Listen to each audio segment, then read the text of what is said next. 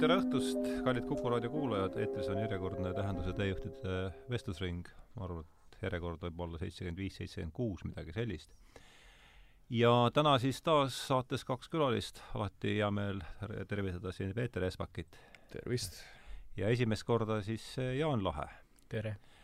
Eh, kuivõrd Jaan on esimest korda, et siis eh, teeme väikse tutvustusringi ka, et öelge enda kohta paar sõna, et Peeter on sul on mingi neljas-viies-kuues kord võib-olla. kas oli viies või kuues, ma ei mäleta enam. No, nii, nii tihti. alati on olnud huvitav sinuga. samad sõnad, et nii et äh, ütle enda kohta. mina olen, olen Orientalistika Keskuse, Tartu Ülikooli Orientalistika Keskuse vanemteadur ja tegelen ka muude asjadega, Ühiskonnauuringute Instituudi MTÜ juhataja ja igasugu kirja ki,, kirjutan esseesid ja ja uurin erinevaid, eriti vana Lähis-Ida usundeid ja kõige rohkem sumereid, vanu sumereid, mis on mu lemmikteema. millest me olime just äh, viimane saade, mis just. on ka päris, on osutunud päris populaarseks. Jaan, ole hea. mina olen teoloog ja religiooniloolane, ehk siis teiste sõnadega, mul on kaks äh, distsipliini, millega ma tegelen. ja ko-, kolm töökohta on mul, ma olen äh, Eesti Evangeelse Luterliku Kiriku Usuteaduse Instituudis piibliteaduste professor selle kõrvalt äh, kureerin ka Usundilu õppetooli ja Tallinna Ülikoolis olen äh, tööl äh, kultuuri- ja religiooniuuringute dotsendi nime all. ja peale selle olen ma Eesti Evangeelse Luterliku Kiriku Mustamäe Maarja Magdalena koguduse abiõpetaja mhm. see on huvitav, et ma, ma olen just üsna veendunud, et paljudel raadiokuulajatel äh, oli üllatuseks see, et on kaks erinevat distsipliini, religioon ja religio-, tähendab siis teoloogia ja religiooni lugu, et religiooniuuringud ja teoloogia on jah, erinevad teadusvaldkonnad tänapäeval, aga nad on väga tihedalt seotud omavahel juba ajalooliselt, juba tekkeloo poolest ja minu jaoks mingit probleemi ei ole nende millest see vahe üldse, see, kus see üldse see see, kui, kui noh, me oleme hästi palju Jaaniga seda ju teemat ka arutanud, et miks Tartu Ülikooli usuteaduskond just on mõnes mõttes ka maailma mõistes innovaatiline. et meil oli ju usundilugu oli teoloogidel ju väga selgelt sees juba Esimese Vabariigi ajal ja, ja ja ka varemgi, et Tartu Ülikool ei ole varem sellist vahet teinud et aga nüüd tundub, et selline kaasaegne, moodne sotsiaalteaduslik lähenemine, et et tundub, et hakatakse ka Eestis kuidagi vahet tegema, et hakkab tekkima selline eristus teoloogia ja siis sellise sotsiaalteadusena või moodsa teadusena uuritava religiooniloo all, ma ütlen ka kohe ära, et minu arust see moodne teadus on äh, suuresti, suuresti muutunud pseudoteaduslikuks, mitte, mitte alati, aga et see, ma usun, Jaan jääb ka nõusse, et see parim võimalus religioonide uurimiseks on, on, on ikkagi nende sümbioos. et sa ka reaalselt tunned mingit usundit, sa ei pea selle preester või õpetaja olema, aga ikkagi klassikalises mõttes religioone uurida ilma, et sa ei tunneks süvitsi mingit kultuuri, mingit kultuurikeelt.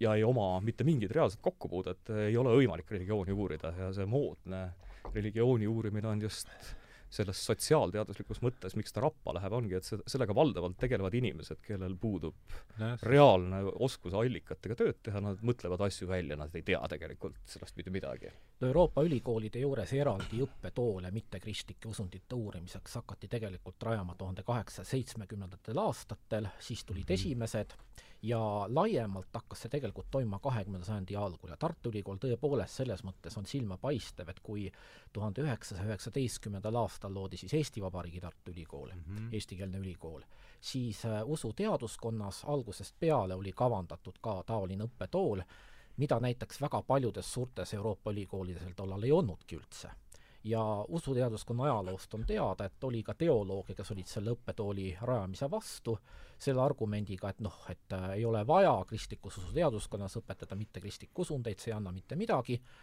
aga õnneks ikkagi võitis see seisukoht, et äh, mittekristlikke usundeid on vaja tunda ja läbi kogu usuteaduskonna ajaloo seda siis õpetati. Ja kui usuteaduskond suleti, siis usuteaduskonna õigusjärglaseks sai Usuteaduse Instituut Tallinnas ja ka seal on siis äh, õpetatud mittekristlikke usundeid algusest peale kuni tänapäevani ja see läheks siis religiooniuuringute alla suuresti, eks ole? see on üks osa religiooniuuringutest, aga muidugi noh, tänapäeval see religiooniuuringute valdkond on laiem, et äh, peale religiooni ajaloo tegeletakse ja. ka usundipsühholoogiaga, sotsioloogiaga ja nagu Peeter ütles, tõepoolest selline sotsiaalteaduslik lähenemine usunditele on äh, domineeriv tänapäeva maailmas no see on kõrvalteema, ma ei taha sellest pig-, liiga pikalt sellest takerduda. see, see, see puutub väga tugevalt tegelikult ka isegi zoroastrismi, mis mm -hmm. on, mhm. mis on meie, meie tänane teema, et aga, tegelikult jah. aga ma just, kas siis teoloogiat võiks öelda, teoloogia on nii, nii, kui ma neid kuulan ja omamata igasugu eri, eelnevat ähm, kokkupuudet see üldse selle problemaatikaga, see oli minu jaoks ka üllatus, et religiooniuuringud ja teoloogia on erinev asi, et siis ka teoloogia justkui tunduks olevat äh, religiooniuuringute alam, alamhulk või? Ei, äh, ei, ajalooliselt on see nõnda, et äh, religiooniuuringud on emantsipeerunud teoloogiast, et Aha, äh, algselt olid usuteaduskondade juures need õppetoolid, aga noh, tänapäeval mm -hmm. võib neid leida ka seal filosoofia okay. teaduskondade juurest, antropoloogia, arheoloogia, igasuguste okay, muude valdkondadega seotuna, erinevad filoloogiad näiteks, ma olin äh, Bonni ülikoolis külalisteadur ja see ei olnud mitte usuteaduskond, kus ma olin, vaid see oli siis äh, Orientalistika Idauuringute Instituudi äh, äh, usundiloo äh, siis äh, sektsioon, ütleme siis niiviisi eesti keeles. No kena, tõmbame sellele sissejuhatavale plokile siis nüüd joone alla, et, äh, et see lihtsalt hakkas seal tutvustusest hargnema, aga, aga tänase saate teema, nagu Peeter tõesti juba mainis, on siis zoroastrism, mis on siis äh, Iraanist pärit usund äh,, millest ma jah, jällegi olen selles suhtes suuresti ka puhas leht, aga, aga mul on hea meel kahte äh, kahte õpetatud kolleegi omada siin seetõttu stuudios, et kes on sellel teemaga, kes on sellega teemaga äh, tegelenud ja ma lihtsalt äh, sissejuhatuseks ütlen, kus minul see huvi on tekkinud, et miks, ma ammu olen mõelnud, et sellest võiks saate teha. et noh, minu kujunemisloos või ütleme, viimaste, viimase kümne aasta sellises intellektuaalses arengus, nii palju kui sellest saab rääkida, on kindlasti üheks nurgakiviks olnud John Gray Must Missa ja, ja seal ütleb Gray ja Gray on üldse, oli üks kümmekond aastat tagasi, kui mul see nõngakera niimoodi hakkas arenema vaikselt, kaug-, rohkemgi aastaid tagasi äh,, on öelnud, et kui lääne tsivilisatsiooni lühike definitsioon oleks võimalik, siis oleks apokalüptilisel mõtlemisel selles keskne roll äh,. ja, ja siis ta siin, et kus on, kus siis tulevad selle apokalüptilise mõtlemise, kuhu tulevad lääne tsivilisatsioon on kristlus äh, laias laastus, eks et kuhu tuleb kristlusesse apokalüptiline mõtlemine, tuleb ikkagi pigem mitte siis, ja kristlus on omakorda kaks allikat, Kreeka, Kreeka, Kreeka-Rooma kultuur ja teiselt poolt siis juudi, juudi traditsioon, apokalüptiline mõtlemine tuleb selgelt siis eks juutlusest. Ja, ja kui me vaatame, kuhu tuleb siis apokalüptiline mõtlemise, kust tuleb apokalüptiline mõtlemine juutlusesse, siis üks äh, koht, nagu siin Ray äh, Musta Missa tavalehekülg kirjutab, ongi Zoroastrism ja sealt on minu siis laias laastus minu huvi selle, selle teema vastu.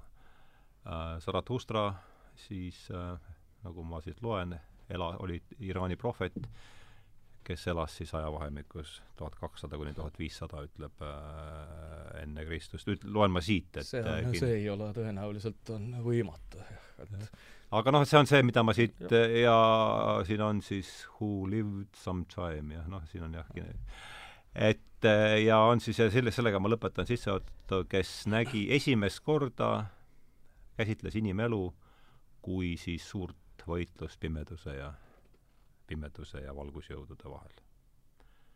minu poolt punkt. katsume nüüd natukene seda üldse, seda mõistetes selgust luua, mis on zoroastrism, siin käib kohe läbi Äh, sama peatükk hiljem Manilus, kuidas need asjad omavahel äh, äh, kokku lähevad ja kuidas see ikkagi lõpuks kõik sellesse tänapäeva apokalüptilisse mõtlemisse, mille tunnistajaks me Facebookis oleme, et kuidas see kõik sinna lõpuks suundub?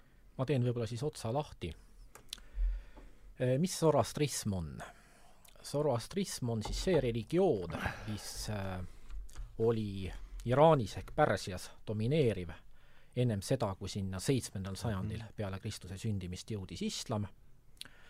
Zoroastrismi kõrval loomulikult olid seal esindatud ka teised religioonid, kristlus väga arvestatava järgijaskonnaga, kusjuures erinevad kristluse suunad, judaism, mitmesugused India algupäraga usundid, nagu näiteks hinduism ja budism, me ei tohi unustada seda, et Ahemeniidide suurriik ehk siis kõige vanem suur Pärsia riik, Küüra, kas Küüros oli sellest kuuendal sajandil enne Kristuse sündimist ja püsis kuni Aleksander Suure vallutusteni neljandal sajandil enne Kristuse sündimist, ulatus ju äh, kuni äh, tänapäeva Pakistani alale, äh, Kesk-Aasia territooriumit hõlmas väga ulatuslikult, kus elasid ka iraani keeli kõnelevad rahvad.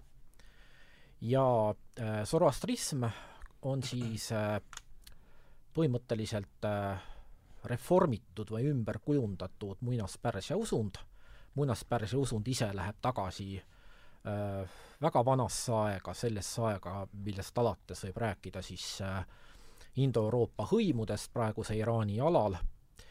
Äh,, teisel aastatuhandel ennem Kristuse sündimist on nad seal juba olemas ja nende usund oli väga lähedane siis äh, sellele usundile, mida me samal ajal Indias kohtame, mis kajastub näiteks India vanimates religioosses tekstides ja veedades, et mütoloogilised tegelased, erinevad jumalused, kes seal esinevad, on, on väga paljud sarnased, isegi nime poolest on ah, suguluses et veedade ja siis muinaspärsia usundis on, on väga lähedased, just nimelt. Mm. -hmm aga äh, teatud ajal siis äh, toimusid olulised muutused selles religioonis ja neid muutusi siis ongi seotud selle prohvet Zarathustra nimega ja seda usundit, mis äh, peab prohvet Zaratustrat siis äh, oma äh, rajajaks, siis nimetataksegi Zoroastrismiks Mm -hmm. siin jutt läkski, juba alguses läks kronoloogia peale, et see on tegelikult zoroastrismi kogu uurimise ja mõtestamise seisukohalt võib-olla isegi keskne teema sest kui me ei tea, millal keegi elas, siis me ei tea ka, kes keda võis reaalselt mõjutada. ja selle üle käivad meeletud vaidlused, et kui sama on sellised, ütleme, optimistid, kõige optimistlikumad, need üldiselt, mis ma olen eriloenguid vaadanud ja lugenud, mõningaid selliseid populaarteaduslikke käsitlusi, et äh, inimesed, kes panevad ta sinna teise aastatuhandesse, olen kuulnud isegi kaks tuhat enne Kristust mõningate sa räägid nüüd Zarathustrast? Zarathustrast.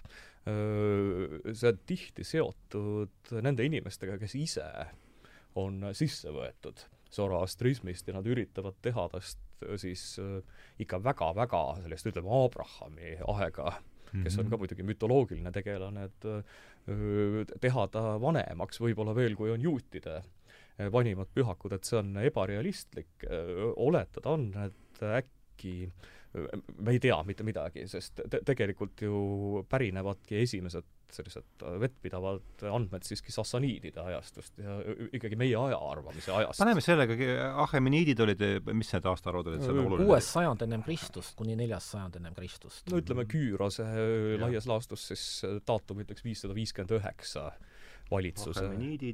ja, ja, ja Aleksander siis nagu, nagu me kõik teame, et äh, tõenäoliselt seda teavad isegi mitte kultuurihuvilised inimesed ikka mõne Hollywoodi filmi järgi. et siis, kui, kui Aleksander oma sõjakäigu võttis, et see, see on siis Pärsia see tõukas Ahemeniidid siis troonilt? jah, kuigi kultuur ikkagi ja, ja, jäi sümbioosis. dünastia kukkus. dünastia kukkus, tuli noh, Aleksandri kindral võttis, võttis ajutiselt üle pärast seda noh, Partia impeerium ei ole nii kuulus, kuigi ta oli Roomaga võrreldav.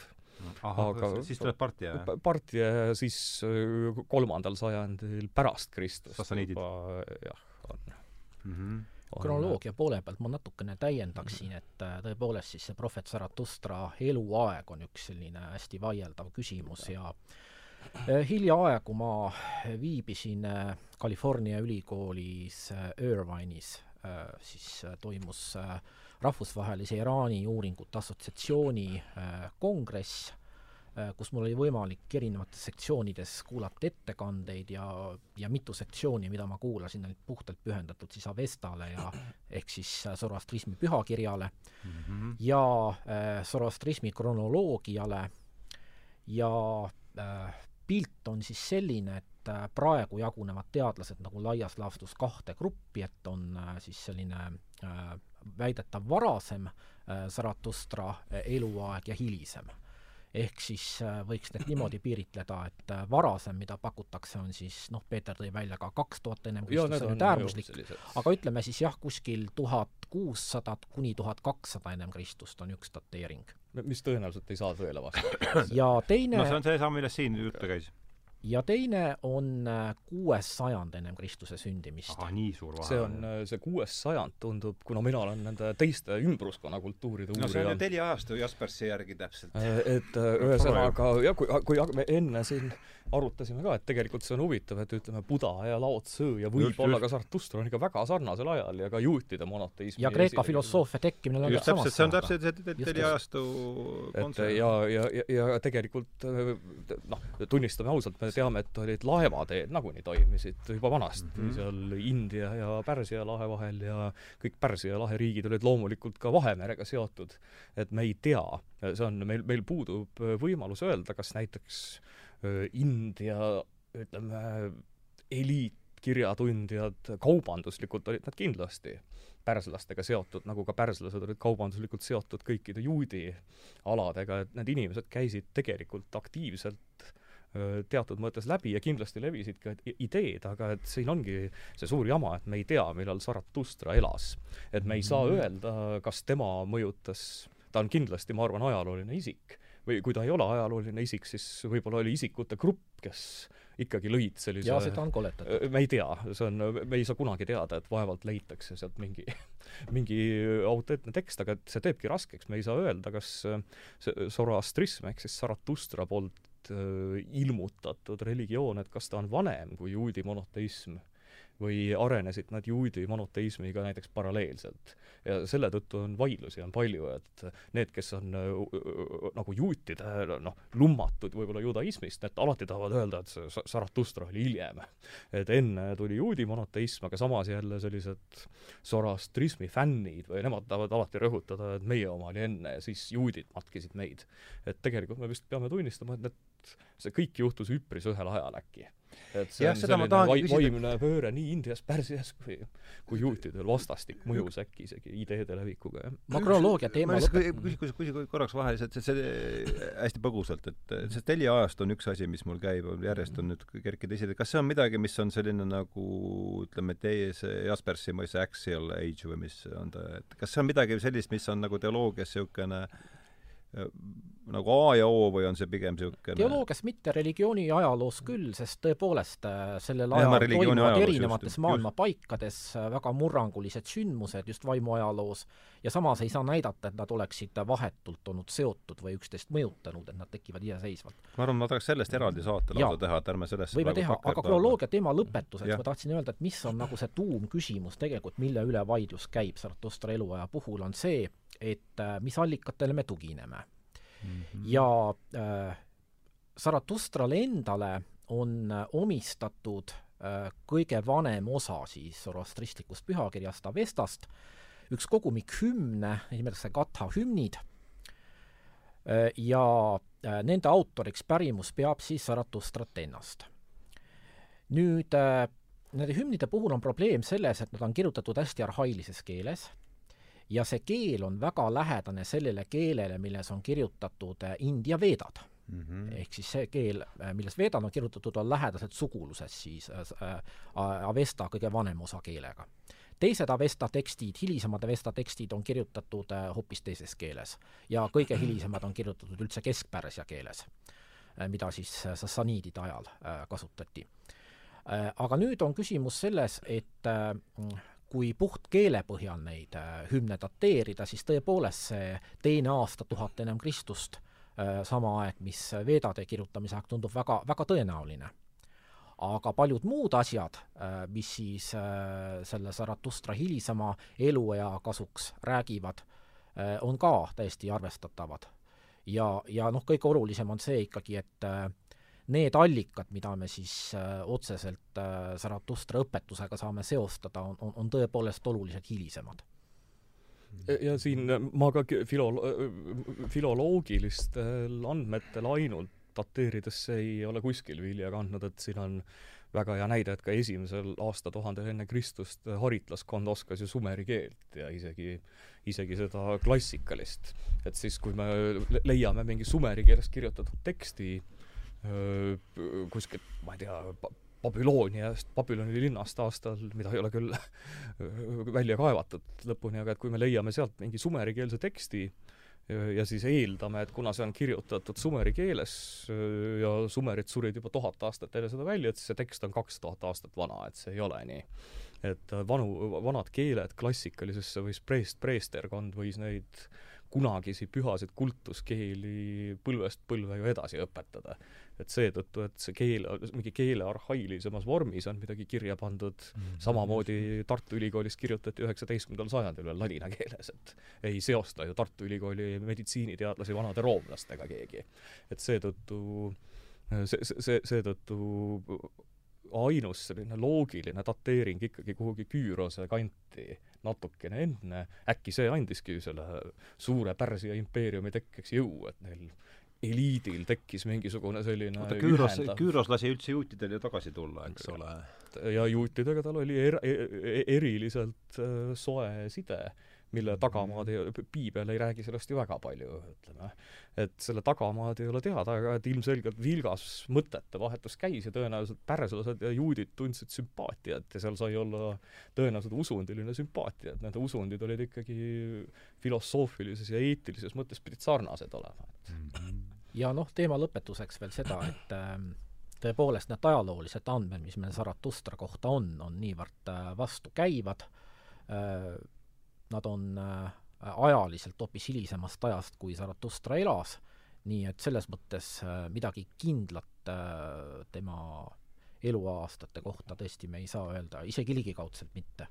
Aga tundub tõepoolest siis see noorem dateering äh, usutavam. Mm -hmm.. kusjuures tänapäeval on viimasel ajal üldse on tekkinud ka täielikke skeptikuid, et mul kohe tuleb meelde, et üks artikkel, mis mul on ilmumas, sain üks Prantsuse ajakiri taaskord, et sain retsiensioonis ühe märke. olin kirjutanud, et juhuslikult gnostitsismi kohta, et seal on väga suur side sellisel noh, mütoloogial on ka vana Pärsia ja zoroastristliku mütoloogiaga, mille peale siis retsensioonis oli kirjutatud, et ei, ei saa olla, sest gnoosist tekkis enne ja zoroastrism pärast siis ma nagu hakkasingi mõtlema, et kes need, kust sellised teadlased nagu välja tulevad, et on, see saab tuleneda ainult sellest, et kirjalikke andmeid ongi vist esimesi saab paigutada kuhugi sassaniidide aega ja üldse säilinud tekstid on ju meie mõistes keskajast et siis on tekkinud ka mingi üliskeptiline teadlaste koolkond, kes väidavad, et üldse mingisugust enne sassaniide vist ei olnud üldse mitte midagi. Et siis on hästi lai spekter selliseid, ühed on skeptikud, teised on optimistid. et me, ma lugesin, arvan, me oleme siin vist ühte meelt, et see mina lugesin hiljuti ühte viidet mingile teadusuuringule, mis ütleb, et päikseprillid on üldse elukahjulikud, nii elule, eluohtlikud, nii et see uudiseid tuleb praegu, nii et nagu Vändrasse lauda, et ega te, teadlased kipuvad äärmustesse kalduma ja üks, üks tahab tuhat aastat ette ja teine tuhat aastat taha, et siis ähm, ma pakun, et me oleme meie enam-vähem vist, ma arvan, ühel me meelel vist, et siis et ikkagi see Küürose eelne ajastu oleks selline loogiline ja varasema vastu räägib ka see, et miks ei ole naaberkultuuridel siis nii olulise usundi kohta mingit infot mm. -hmm et äh, kuskil mingid vanad sumerlased oleks ikka kirjutanud selle, selle kuskil välja mingisugusesse oma ajalookroonikasse, et see noh, ja ma lisan juurde selle, et on ju säilinud terve hulk Zaratustra elulugusid, aga need elulood on kõik väga hilised, valdavalt siis juba sellel ajal kirja pandud, kui islam oli Iraani jõudnud mm. -hmm. on täheldatud, et need elulood on väga tugevasti ka islamist mõjutatud, noh ilmselt see oli teadlik selline strateegia, et püüdi sarnasust näidata endaga võimalikult palju et saada tunnustust oma usundile, et mm -hmm. olla tunnustatud siis raamaturaffana, kes tunnistab ainsat Jumalat, et üldse võiks oma religiooni praktiseerida, noh, vastasel korral alternatiiv oleks islami vastuvõtmine olnud, aga juudid ja kristlased ja, ja muud sellised monoteistlike usundite järgijad, kellel oli oma pühakiri, võisid ju oma usku edasi praktiseerida, aga äh, üks äh, Bergeni ülikoolis tegutsev teadlane Michael Stausberg, kes on siin Eestis käinud ka möödunud suvel oli Euroopa Osundilo Seltsi äh, konverents, kus ta ka esines ühe peaettekandega, on öelnud, ta on üks tuntumaid zoroastrismi uurijaid praegu, üks paljudest, ühes oma raamatus Zaratustra kohta niimoodi, et usundi rajajate kohta kehtib see, et ühest küljest võib öelda, et usundi rajajad loovad usundeid, aga teisest küljest võib ka öelda, et usundite järgijad loovad oma rajajaid, mis ei tähenda seda mm, et hea. need usundi rajajad ei oleks ajaloolised isikud olnud, noh, Buda või Jeesuse puhul ju tänapäeval keegi või enamik ikkagi ei kahtle selles, et, et nad on ajaloolised isikud kuidas see lause esimene pool oli, et usundi rajajate usundi rajajad äh, kohta loovad äh,, nende kohta kehtib see, et, et nad loovad usundeid mm, -hmm. aga teiselt poolt jällegi võib öelda, et mm -hmm. usundi äh, järgijad loovad oma usundi rajajaid ja Zaratustra puhul tähendab see seda, et see pilt, mis temast on edasi antud tema elulugudes, ei püüa olla nii-öelda tänapäevases mõttes objektiivne või, või ajalooline, äh, vaid äh, ta äh, kirjeldab või annab edasi sellist pilti Zaratustrast, nagu need inimesed, kes siis teda pidasid selle ilmutuse saajaks, teda nägid ehk siis teiste sõnadega, see on läbi selle zoroastristliku usu antud siis edasi. aga see kõik, see kehtib kõikide äh, religiooni rajajate elulugude kohta, et äh, meil on nagu palju tahta selliseid elulugusid, mis püüaksid neutraalsed olla nende kohta, ütleme, varasemast ajast.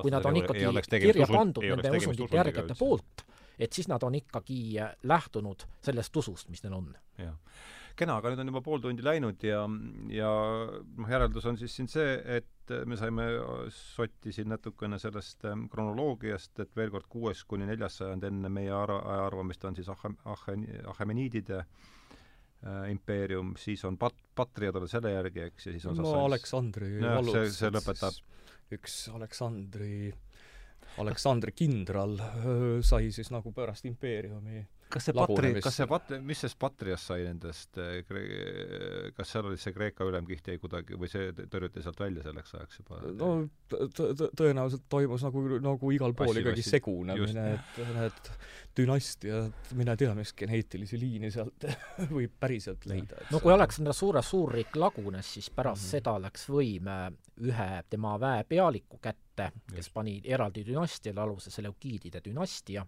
tema nimest tuletatud jah, siis Äh, mm. ja äh, Iraani äh, ütleme siis noh, Iraani kiltmaa, see, see Pärsia riigi ütleme, tuumikala kuulus, kuulus siis selle dünastia valitsuse alla, kuni kerkis esile siis üks Iraani päritoluga valitseja dünastia Aršakiidid mm, -hmm. päritolult partlased, see on üks paljudest Iraani hõimudest, ja, ja. ja nemad lõid siis need Seleukiidid sealt oma aladelt välja mm -hmm. ja kehtestasid oma võimu ja rajasid oma riigi okay.. ja alles pärast äh, kui nende riik oli siis juba palju sajandeid eksisteerinud, äh, asendab selle äh, Sassaniidide riik, mis on siis samuti Pärsia päritoluga valitseja dünastia poolt mm -hmm. rajatud kolmandal sajandi peale Kristuse sündimist ja, ja see dünastia valitseb kuni islami tulekuni. kuussada viiskümmend üks siis võime lugeda ja. ametliku riigiusundi Zoroastrism sassaniidide ajal oli väga tugevalt tegelikult selline, minu arust võib seda riigikirikuks isegi nimetada. no see, kiriku nimega muidugi ja, mina ei ole nõus selles ole, mõttes, et väga tihti räägitakse ju näiteks ka islami ja budistlikust kirikust, mm. ajakirjanduses me ikka niisuguseid mõisteid kohtame, aga kirik on ikka spetsiifiliselt kristlik institutsioon, aga midagi kiriku sarnast võib küll öelda, jah. nii kena, aga mm, siis on ja, ja Zaratrusta eluaastad on siis kaks, laias laastus kaks versiooni, üks on siis see tuhat viissada, tuhat kakssada või tuhat kuussada või kakssada, innukamad panevad äh, sinna kolma, juba kolmandasse aastatuhandesse, aga tõenäoline tundub siis olevat ikkagi, et ta elas seal teljeajastu kandis kuuendis, see võib-olla kokkuvõte siis esimesest plokist.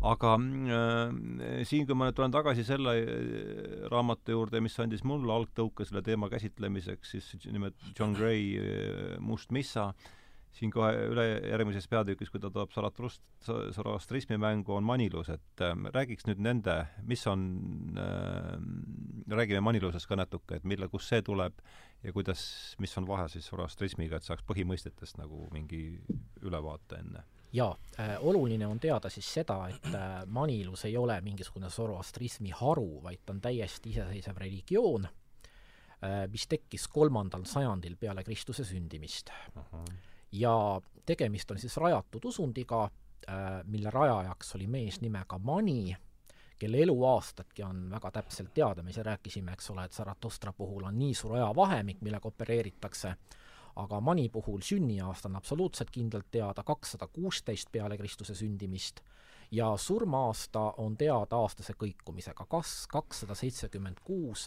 või seitsekümmend seitse pärast Kristuse sündimist. Ja meil on piisavalt palju allikaid, et äh, seda tema eluaega niimoodi dateerida.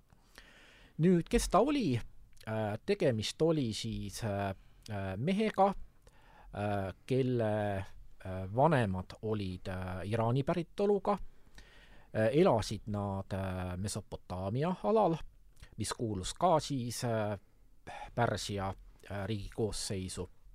ja Mani isa äh, kuulus ühte väikesesse mm, kristlikku rühmitusse mm, -hmm. see oli juudi päritoluga kristlik rühmitus, kes on tuntud Elkesaitide nime all ja nime on nad saanud ühe oma prohveti järgi, kes oli siis Elksai või Elkessai. ja on teada siis, et pärimuse järgi, kui Mani oli kaheteistaastane, siis sai talle osaks ilmutus, kus ta nõudis mhm. selles grupis olulisi reforme ja üks oluline reform oli ristimise lõpetamine, tähendab, see oli selline rühmitus, mis praktiseeris veeriitusi, neid nimetatakse üldnimetusega siis äh, ristjate rühmitused, ka näiteks Uues Testamendis tuntud ristja Johannes kuulub äh, selle liikumise ristimisliikumise koosseisu, aga mm -hmm. need Elkesaidid olid täiesti omaette grupp, kes siis ka praktiseerisid veeriitusi. ja äh, Manit ei võetud kuulda äh, ja siis see ilmutus hiljem kordus ta nõudis jälle mitmeid muudatusi, samuti siis ristimisest loobumist, aga tulemuseks oli see, et äh, ta visati siis sellest grupist välja ja pärast seda rajaski ta oma usundi. ja nüüd see Mani usund on väliselt äh,, eriti Iraani alal just, Äh, väga sarnane äh, zoroastrismiga, et seal on ka siis keskne idee on pimeduse ja valguse, headuse ja kurjuse võitlus, inimese osalemine selles, äh, aga kui nüüd hakata äh, nagu lähemalt vaatama, millega seal tegemist on, siis me näeme, et tegemist on ühe väga suure religioosse liikumise haruga, milleks ei ole zoroastrism, vaid milleks on gnostitsism ja see gnostitsism on täiesti omaette religioosne liikumine, millel algselt äh, zoroastrismiga ei ole erilisi kokkupuuteid olnud, noh hiljem need tekivad küll, äh, ja tegemist on siis äh, meie ajaarvamise esimesest sajandist alates Rooma riigis levinud religioosse liikumisega. gnostitsismist on jutt praegu? gnostitsismist on jutt, mis on Äh, väga kaua aega olnud sümbioosis kristlusega, ehk teiste sõnadega, üks osa esimeste sajandite kristlasi tõlgendas oma usku äh, gnostitsismi põhimõtete järgi, meie nimetame neid gnostikuteks, nad ise ennast enamasti nii ei nimetanud, nimetasid ikka kristlasteks või kasutasid siis teisi nimetusi, mida tollal kristlased enda kohta kasutasid, vennad, jõed ja valitud ja kutsutud ja pühad ja muud niisugused tiitlid. aga nende äh, liikumise põhiidee oli siis see, et inimese jumalik osa, vaim või hing on siin maailmas võõras, ta on sattunud siia mingi eksituse tulemusena või mingi ennem aegade algust toimunud äh, õnnetuse tulemusena, mis toimus siis vaimses maailmas, ja inimene on suletud siis äh, kehasse ja mateeriasse nagu vanglasse, ta on unustanud ära oma algse päritolu, ta on pärit kõrgemast jumalikust maailmast, aga ta on selle unustanud. No, ja nüüd see teadmine tuleb ära. nagu platonismi nagu maik oleks jaa, platonismi maik on juures ja, ja Platon kindlasti mõjutanud või platonism on kindlasti mõjutanud selle äh, suuna tekkimist ka, aga see ei ole muidugi ainus äh, mõjutaja. Äh, päris kindlasti ka juba varasel ajal oli gnostitsismil äh, Äh, kokkupuutepunkte äh, juudi pärimusega, nad on väga palju kasutanud. Vana Testamendi motiive, äh, juudi usu erinevaid motiive, need ümber tõlgendanud. Ja idee on siis selles, et on kõrgem Jumal, kes on absoluutselt sealpoolne, vaimne, nähtamatu, kes ei ole seda maailma loonud, ja on kas siis üks olend või terve grupp olendeid, tavaliselt neid on seitse siis, selline seitsmik, keda peetakse materiaalse maailma loojateks. Ja need olendid ei ole seda materiaalset maailma loonud mitte kõrgema Jumala korraldusel või tahtel, vaid tema teadmata, vastuolus tema tahtega. Ja nad on oma olemuselt äh, suhteliselt äh, pahelised olendid, vahel lausa kurjad, ja loonud on nad vanglaks siis selle maailma äh, inimese hingel, et inimest siin kinni hoida.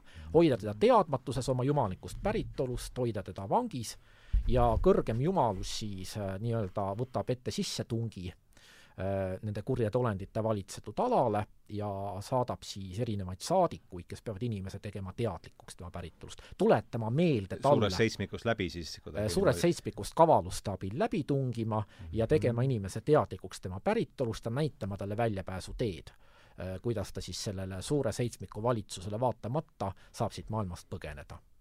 ja gnostikud mhm. uskusid, et nemad siis seda teadmist valdavad, kuidas siit pääseda mhm. et li-, lisaks ka, et sa mainisid, et äh, zoroastrismil ja gnostitsismil tõenäoliselt ei ole seost, et ma ise toetan seda, et äh, on, on selline vastastikune vaimne mõju kindlasti kindlasti olemas, sest sümboolika on lihtsalt niivõrd sarnane. ja kuna vahemaad olid ikkagi väga väiksed, ja kauba ka,, ka, kaupmeeste ja, ja, ja muidu ideede liikumine toimus nagunii. et siis, kui Pärsias öö, eksisteeris Zoroastrism, siis on öö, täiesti ilmne, et kõik need gnostilised liikumised oma ideestikku arendades olid, eriti nende intelligentsem osa, olid kindlasti tuttavad. et seal kindlasti peab olema selline kuidas öelda, teatav sümbioos. minu see... nägemus asjast on selline, seda jagab ka näiteks minu doktoritöö juhendaja Kurt Rudolf, kes on üks tuntumaid gnoosisuurijaid tänapäeva maailmas, ja äh, paljud teisedki teadlased on seda meelt, et äh, teatud Pärsia mõjud on olemas küll gnoosises, aga need Pärsia mõjud enamasti ei ole siis tulnud sinna mitte vahetult, vaid sedapidi, et äh, Pärsia religioon seesama zoroastrism, millest me rääkima hakkasime selleks ajaks, oli väga tugevalt mõjutanud ka näiteks judaismi mm, Äh, Kreeka-Rooma kultuuris oli tal oma mõju olemas ja nende ideedega võisid siis need inimesed, kes sellele gnostilise liikumise aluse panid, tutvuda pigem siis kas siis judaismi või Kreeka-Rooma kultuuri vahendusel. see on jah, see, seda tahtsingi öelda, et see on alati vahendusega.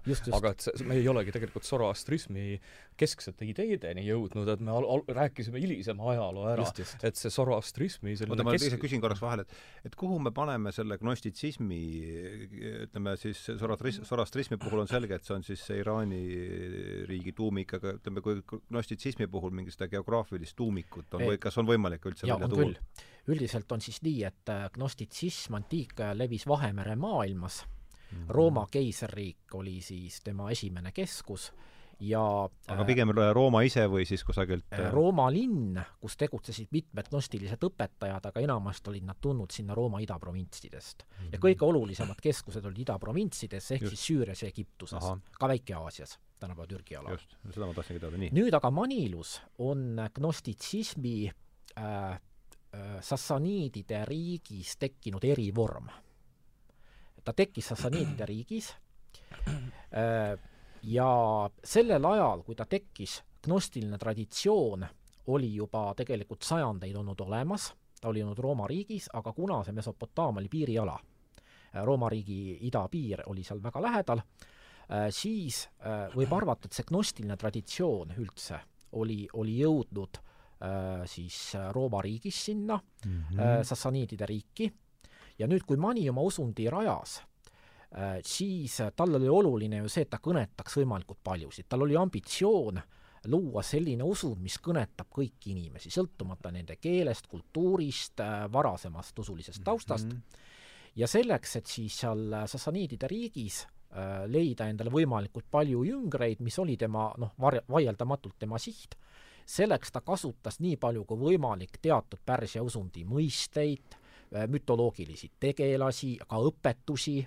aga muidugi ta interpreteeris neid ümber gnostiliselt. ehk siis esmapilgul võiks tunduda, et tegemist on sama asjaga, mis zoroastrism, lähemal vaatlusel, ja zoroastristlikud preestrid said sellest aru, on tegemist täiesti teistsuguse õpetusega ja see konflikt, mis Manil tekkis zoroastristliku preesterkonnaga, mille tulemusena ju ka hukati, äh, oligi põhjustatud sellest, et zoroastristlik preesterkond nägi äh, Äh, konkurenti äh, oma priviligeeritud usundile siis tema uues liikumises. ja põhiline ma... erinevus on selles, et ühest küljest on küll mõlemas usundis tegemist hea ja kurja võitlusega, pimeduse ja valguse võitlusega, aga üks oluline erinevus on, ja oluline erinevus on selles, et äh, gnostitsistliku arusaama järgi on äh, mateeria kui selline olemuselt kuri ja materiaalne maailm on olemuselt halb nüüd zoroastrism rõhutab, et äh, maine maailm on jumala hea looming, seal eksisteerib küll kurjus, kurjus on seda kahjustanud, aga oma olemuselt ei ole ta halb mm. -hmm. seal jah,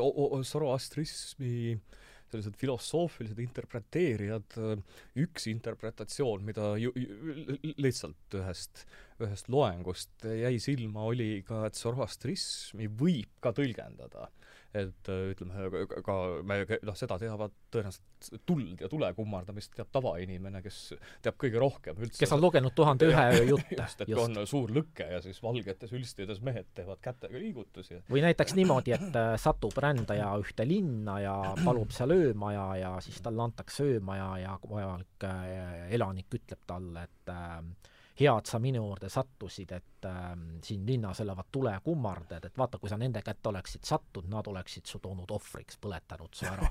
et nüüd ööbi minu juures ja hommikul siis põgene ära.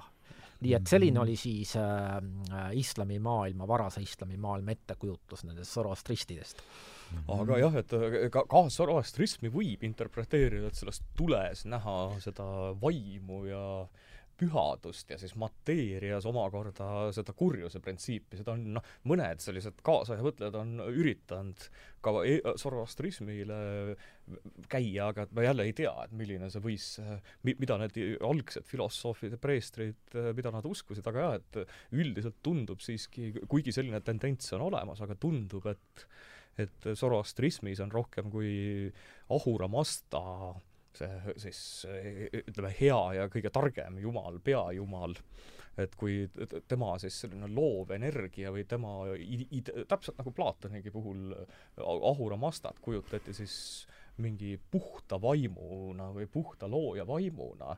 see on ja, nüüd juba, eks ole, zoroastrism. praegu zoroastrismi põhitõdedes mm -hmm. siis Ahura Masta.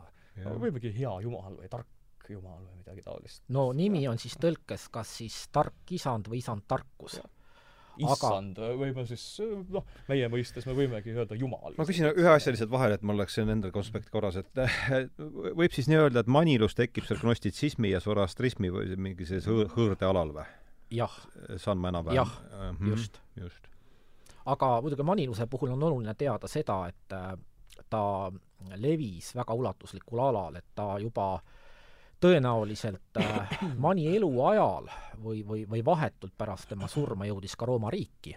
ta hakkas Rooma riigist levima, kus juba vanemad gnostilised traditsioonid olid olemas, aga ta ületas selle ida, idapiiri ja hakkas levima no näiteks Põhja-Aafrikas, kus kirikus Augustinus sellega kokku puutus, äh, jõudis ta Rooma linna isegi, jõudis Hispaania alale ja teistpidi äh, levis ta ida poole, ehk siis ületas Sassaniidide riigipiirid ja näiteks keskajal äh, levis ta väga ulatuslikult Hiinas siiditee kaudu äh,, põhiliselt ta levis äh,, Sogdi päritoluga, see on üks Iraani hõim äh,, mhm. kaupmehed olid, kes tegelesid selle maniluse levitamisega, manilus oli selline usund, mis tegi missionit väga aktiivselt, ja me teame siis seda, et äh, keskajal olid äh, manifestlikud kogudused ka Hiinas ja viimased jäljed minu andmetel nende koguduste olemasolust Lõuna-Hiina alalt on pärit koguni varasest uusajast, kuskilt seitsmeteistkümnenda sajandi algupoolelt mm. -hmm.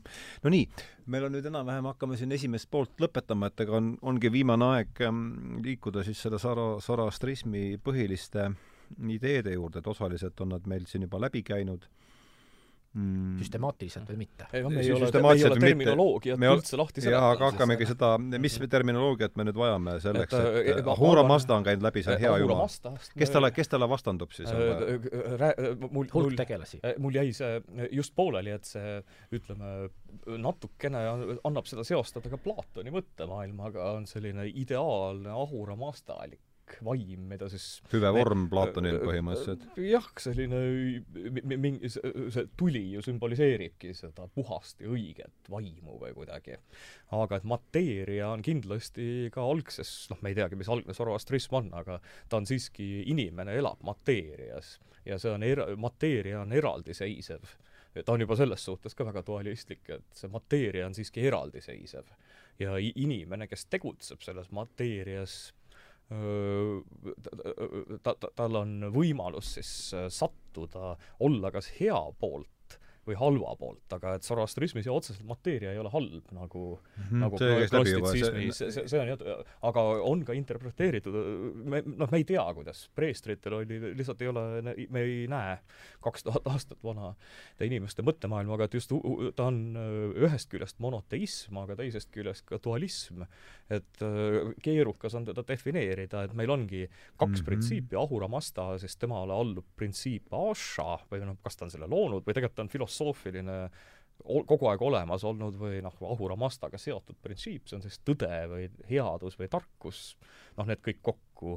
ja siis äh, truitš või trui või kuidas seda hääldatakse, ma ei teagi, pärsia keeles, on siis vastandprintsiip, see on siis halbdus või ebatõde või kurjus, ja siis see nõndanimetatud kuri olend on siis nimega Angra Manju kuri vaim vist võib seda tõlkida, et need, need ütleme, Ahura Mazda, Angra Manju ja Asha ja Trutš, need ongi need Angra Manju. ja sellepärast Zoroastrism vist ongi ainus usund, mille saab ära seletada kolme minutiga hea ja kuri, pimedus ja valgus, tõde ja vale, Ahura Mazda, Angra Manju, Asha ja Trutš. mitte ühtegi teist äh, suurt maailmausundit ei saa niimoodi lahti defineerida, judaismist, islamist ja kristlusest peab pool tundi rääkima, et aga filosoofilised terminid, sellised kujundlikud filosoofilised terminid. jah, aga siin on üks, üks aspekt veel, mida me ei tohi ära unustada, on see, et noh, meil oli juttu sellest, et on erinevad zoroastrismi tõlgendused, aga need tõlgendused ei ole siis mitte ainult tänapäeva teadlaste loodud, vaid äh, paljud zoroastrismi uurijad, nende hulgas ka näiteks üks selline äh, sassaniidide ajastu uurija nagu iraanlane Durach Taye, äh, kes on väga palju raamatuid kirjutanud Zoroastrismi ja, ja sassaniidide äh, ajajärgu kohta, on öeldud, et äh, igal juhul sassaniidide ajajärgu Zoroastrismis võib juba näha väga erinevaid pühakirja tõlgendusi väga erinevaid koolkondi ja suundi mm, -hmm. ja teine asi on see, et ka needsamad kontseptsioonid, millest siin Peeter just rääkima hakkas, on aja jooksul muudatusi läbi teinud et see moment tuleb ka juurde panna. ja Aga siis on erivormina veel ju ka survanistlik zoroastrism, mis võib, seda võib ju nimetada eraldi usundiks, kus on siis äh, maailma kõige, kõige alusprintsiip äh, on äh, aeg ehk survan või mm. ja siis tekib hea ja kuri olend ja siis pärast mingit perioodi, kümmet tuhat aastat, siis toimub apokalüptiline lahing ja see headus ja kurjus kaklevad omavahel ja siis headus võidab. et see on üks Zoroastrism, ei ole ka noh, tal on olnud läbi ajaloo mitmeid, mitmeid tõlgendusi, et aga, aga et mis on siis Zoroastrismi puhul ju on see on esimene selline eetiline usund, kus inimesel on õigus noh, teadaolevalt, et kui see inimene ise otsustab, judaismis isegi ikkagi Jahve oli see noh, Jahve võis, ma ei tea, Hiobiga kõike teha, et siis äh, Jahve võis ka psühhopaatlik ja kuri olla ja igasugu kätte maksta teemonlik, nagu teemonlik, nagu Masing ütleb, aga et siis see Ahura Masta puhul oli ikkagi inimene, oli eetiline olend, kellel, olend, kellel oli võimalus teha vahet, see oli siis eh, head mõtted, mõtted, head sõnad ja head teod on need kolm siis, millele vastanduvad halvad mõtted, halvad sõnad ja halvad teod. et in-, ja inimene, see, ta oli eetiline olend, et sul oli võimalus valida, kas sa oled tõe ja headuse pool, mis algab kõigepealt siis headest mõtetest, millest tulenevad head sõnad ja sealt siis äh, head teod, aga inimene oli vaba valima, ta oli nagu sellest äh, universumi või mateeria saatuse sisse aheldatusest esimest korda vaba, seda, seda ei ole mitte üheski usundis. kristlus oli järgmine tõenäoliselt, mis budism muidugi vaba tahte niisugune budism ja kristlus, algmed siis et äh, budism ja, ja kristlus, aga vaba tahte rõhutamine. vaba tahte rõhutamine, et see on -hmm. tõenäoliselt zoroastrismi puhul ikkagi maailma esimene. ma ühe täienduse tahaksin teha, sellest äh, survanismist oli siin juttu. Ja tõepoolest vaieldakse siis selle üle, et kas teda tuleb käsitleda omaette religioonina või on ta üks zoroastrismi haru, survanism või survaniitlus, seal on äh, ju peajumalaks on jumal, kelle nimi on aeg. Zurvan. Äh, Zurvan, just nimelt. ja muide olgu, ja muide olgu öeldud seda, et ka Iraani aladel vaniluses teinekord seda kõrgemat valguse headuse jumalat nimetati selle nimega. ja tegemist on siis sellise religiooni tõlgendusega, kus need kaks antipoodi, keda Peeter mainis, hea ja kuri on kaksikvennad, nad on äh, mõlemad siis selle aja pojad, kaksikvennad mm., kes on ühel ajal sündinud ja kes siis võitlevad äh, maailma valitsemise pärast. ja mis on survaniitluse eripära, erinevalt zoroastrismist, on siis see, et survaniitlus ei tunnistanud vaba tahet. seal oli kõik determineeritud siis sellesama aja poolt kes oli kõrgem jumalus, ja ka see, kumma poole keegi valib, kas siis hea või kurja, on determineeritud, ette määratud kõrgema jumala poolt. aga zoroastrismis on see inimese vaba valik ja see mm, -hmm. mis ta otsustab, määrab ära tema siis järgneva saatuse. see on see kristlikul äh, predestinatsiooni niisugune äh, sama, sama, sama, vibe, eks? väga, jah, see survanistlikus zoroastrismis ka, noh, ikkagi noh, oli ja ei olnud, et see on hästi keeruline öelda, kuidas, aga et ja, ja mis e-, eristabki, et kui selles noh, kas see on nüüd klassikaline zoroastrism, et siis seal ikkagi see Ahura Mazda on ülim. et ta ei ole kellegi poolt sünnitatud, et siis äh, surm on ehk aeg panna siis kaksikvendade sünnitajaks, see oli jälle, nagu sa ütlesidki, et minu arust ei ole kui, kui me muide Vladimir Sassonoviga kirjutasime kunagi Tea entsüklopeedias äh, Zoroastrismist artikli, sellest on nüüd üle kümne aastat, siis me panime survanistlik zoroastrism, panime zoroastrismi järgi. no et, nii, aga et selles suhtes, et meie käsitlesime seda ühe usundina, aga et tegelikult kui hakata mõtlema, jah, need ongi ikkagi keerukas neid täiesti ühte patta panna, et nii, nii no on erinevad arvamused, näiteks, näiteks Wiedengren, eks ole, Rootsi äh, zoroastrismi uurija, käsitleb seda täiesti omaette usundina oma äh, zoroastrismi monograafias, aga näiteks uuemad uurijad, Stausberg, äh, Turatštaje, äh, nemad käsitlevad seda zoroastrismi haruna mm. -hmm. Ma lihtsalt sinna pean natuke vaatama kella peale, et meil on see tunnike läinud, et katsume nüüd tulla siis, hüppame nüüd zoroastrismi sisse, et kuidas äh, seal üldse äh, no igas religioonis on minu arust kaks põhilist äh, sammast, eks loomislugu, kuidas see kõik alguse saab, kosmoloogia ja eetika, et võtame, võtame kõigepealt kosmoloogia, et kuidas see, kuidas saab Zoroastrismis äh, maailm alguse, universum alguse, mis on see, mis on see lugu? no nii, kui me nüüd püüame natukene Zoroastrismi niimoodi süstemaatiliselt kirjeldada, äh, siis võiks seda teha niimoodi, et esimene zoroastrismi eripära siis on see, et tõstetakse esile ühte jumalat, see on siis seesama Aura Mazda, tark isand või isand tarkus, äh, keda peetakse kõige tähtsamaks jumalaks ja kellele omistatakse ka maailma loomine. ja üksikasjalikult tuuakse välja terve hulk asju, mis ta on loonud, ta on loonud maa kõigepealt, ta on loonud vee, ta on loonud tule, ta on loonud äh, metallid ja nii edasi ja ta on loonud muuhulgas ka äh, siis äh, hulga jumalusi äh,, kes moodustavad tema sellise lähima kaaskonna, neid on kokku kuus. Ja koos äh, Ahura Mazdaga nad moodustavad seitsmiku, mis on siis arvuline paralleel sellele halvale seitsmikule Gnoosises, millest me rääkisime mm. -hmm, ainult, et seal on hea seitsmik. ehk teiste sõnadega, äh, need Ahura Mazda loodud äh, jumalused on tema kaaskond no igal ida, igamaisel, idamaisel tähtsal jumalal pidi ikka oma kaaskond ka olema, kui no, Vaisal kuningal oli Jahvel olid ka igasugused no Jahvel oli ka kaaskond samamoodi, just nimelt. et siis pidi ka temal see olema ja nemad on siis sellised jumalused, kes valitsevad äh, universumi erinevate osade üle, mis on Ahura Mazda loodud. Äh,, üks valitseb äh, tule üle, üks valitseb metallide üle, üks valitseb vee üle.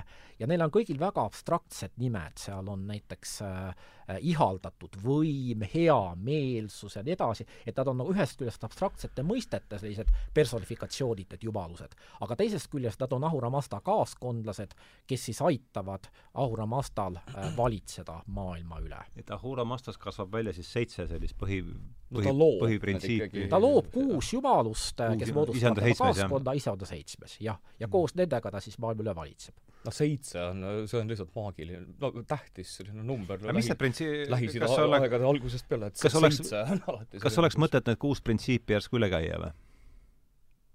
või mitte? tuleb teile?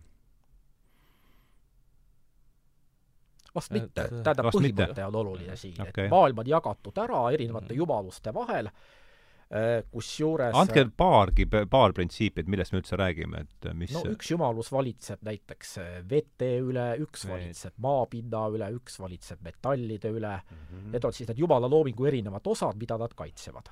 no see, see on kogu Lähis-Ida või tegelikult üldse polüteistlike religioonide puhul lihtsalt äh, oli tavaks, et mingisugusel jumalusel on mingi asi, mille üle ta siis no see kõiksus pannakse mingitesse erinevatesse seitsmesse kuude erinevasse sahtlisse no ja kui sumeritel oli ka õlle jumalanna ja õmblemise jumalanna ja et siis no neil oli aega seal rohkem jorutada seal Zoroastrism äh, üritab vist äh, neid nagu printsiipe vähem tekitada, kui on sellistes, no Zoroastrismi eelselt oli tõenäoliselt klassikaline polüteistlik algne Indo-Euroopa sugemetega religioon.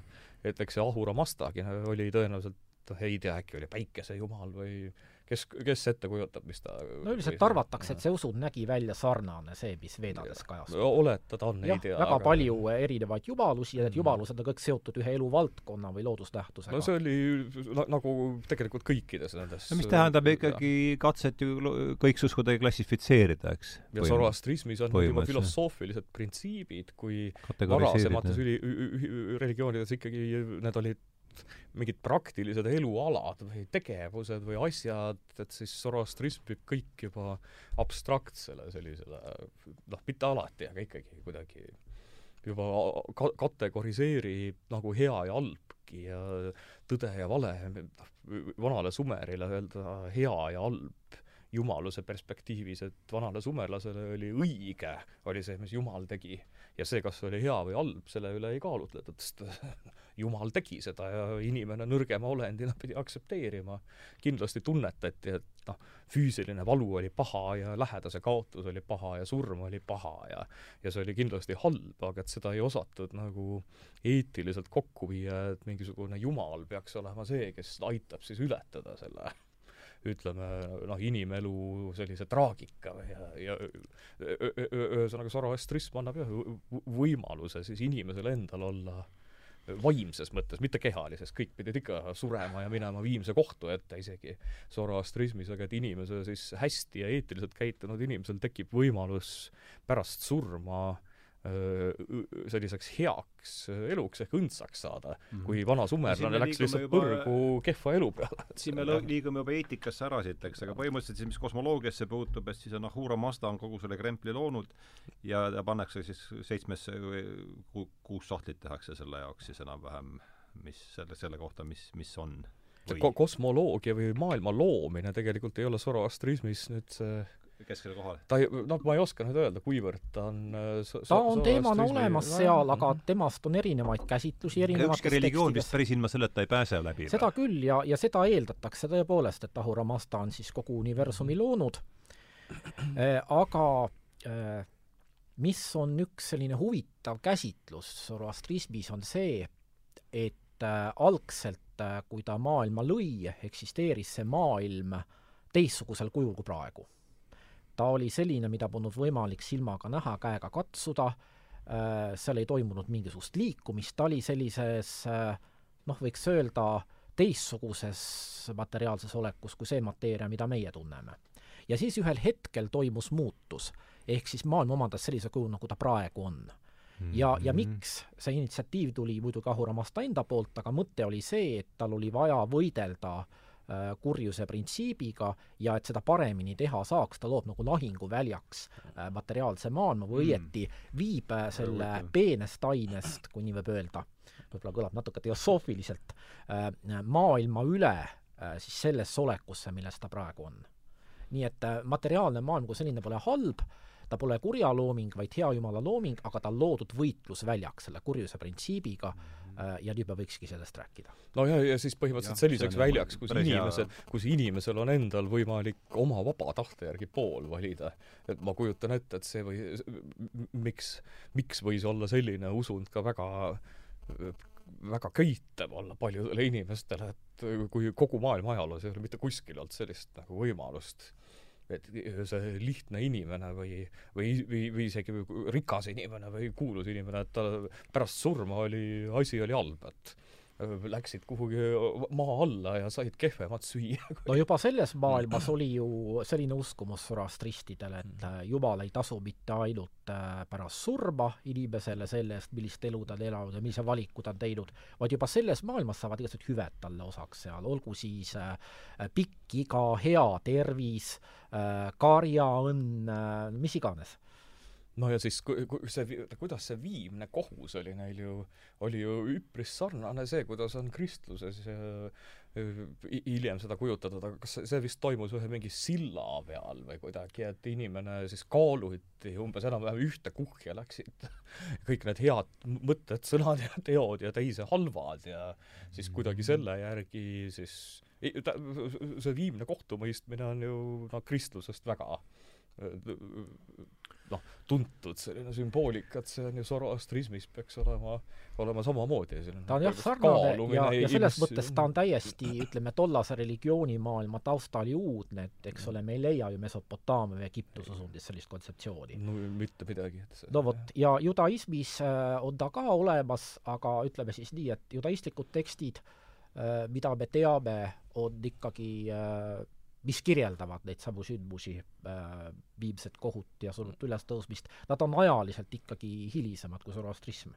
jah, ei see on ja see, see tõ-, tõenäoliselt ja juutide kõige hullem ongi, et kuna me ei tea sor-, Sara-, sor-, Zaratustra päriselt elamisaega, et siis me ju ei tea ka, et kuivõrd mõjutasid zoroastrism, kuivõrd mõjutas judaismi või hoopis äkki judaism mõjutas zoroastrismi ka selline hüpotees saab välja pakutud. et äh, mi, minu lihtsalt mitte kõhutunde, vaid nagu materjale vaadates mulle jääb mulje, et ikkagi juudid said oma usundis äh, suhtluses pärslastega, kas või Babülonis, eks, kui pärslased vallutasid Babüloni ära ja lubasid juudid koju ja abistasid isegi templi taastamisel, et mul on küll tunne, et juudid omandasid ikka väga palju sellist jah, siin ma olen koge sama kogemust pärslastelt, et ma pigem vangipõlve.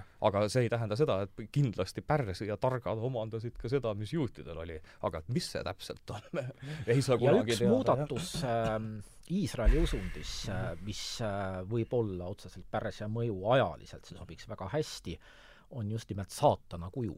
Mm.. võib, võib tõesti olla. sest äh, need kõige varasemad Vana-testamendi tekstid, äh, kus ta figureerib, on ikkagi pärit sealt kusagilt neljandast sajandist ennem Kristuse sündimist. Hiobi raamat äh,, Sakarja raamatus ühes kohas teda mainitakse ja selliseks no ütleme siis maailma valitsevaks kurjaks jõuks. Äh, seda ta ei ole veel muuseas Vanas Testamendis üldse, muutub ta ikkagi Vana Testamendi järgsel ajal, ütleme niimoodi, et kõige nagu kindlamad äh, tõendid selle kohta on kusagilt meie ajaroomise algusest. aga Zoroastrism selleks ajaks oli olemas ja fakt on see, et juudid olid selle usundiga kokku puutunud juba väga kaua aega sellel ajal. jah, mitte kokkupuutumine oli võimatu, sellepärast et pärslased olid ju igal pool.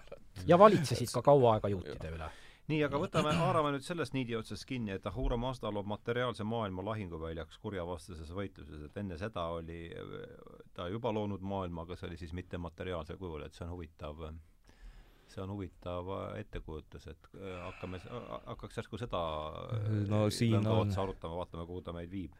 no siin on selline mitmeetapiline loomine äh, selle kontseptsiooni paralleeliks võib juba ka Sumerist äh, tuua, et see võib-olla on selline mitte ainult võib-olla zoroastrismile omane, aga et eelmises saates saigi räägitud, et sumeritel oletatavasti oli mingi samamoodi ettekujutus äh, tegutsemiseelsest maailmast mis on väga sarnane siis Platoni ideede maailmale, et ideaalis või mõttes nagu mingi universum eksisteeris, aga seal asjad ei toiminud veel.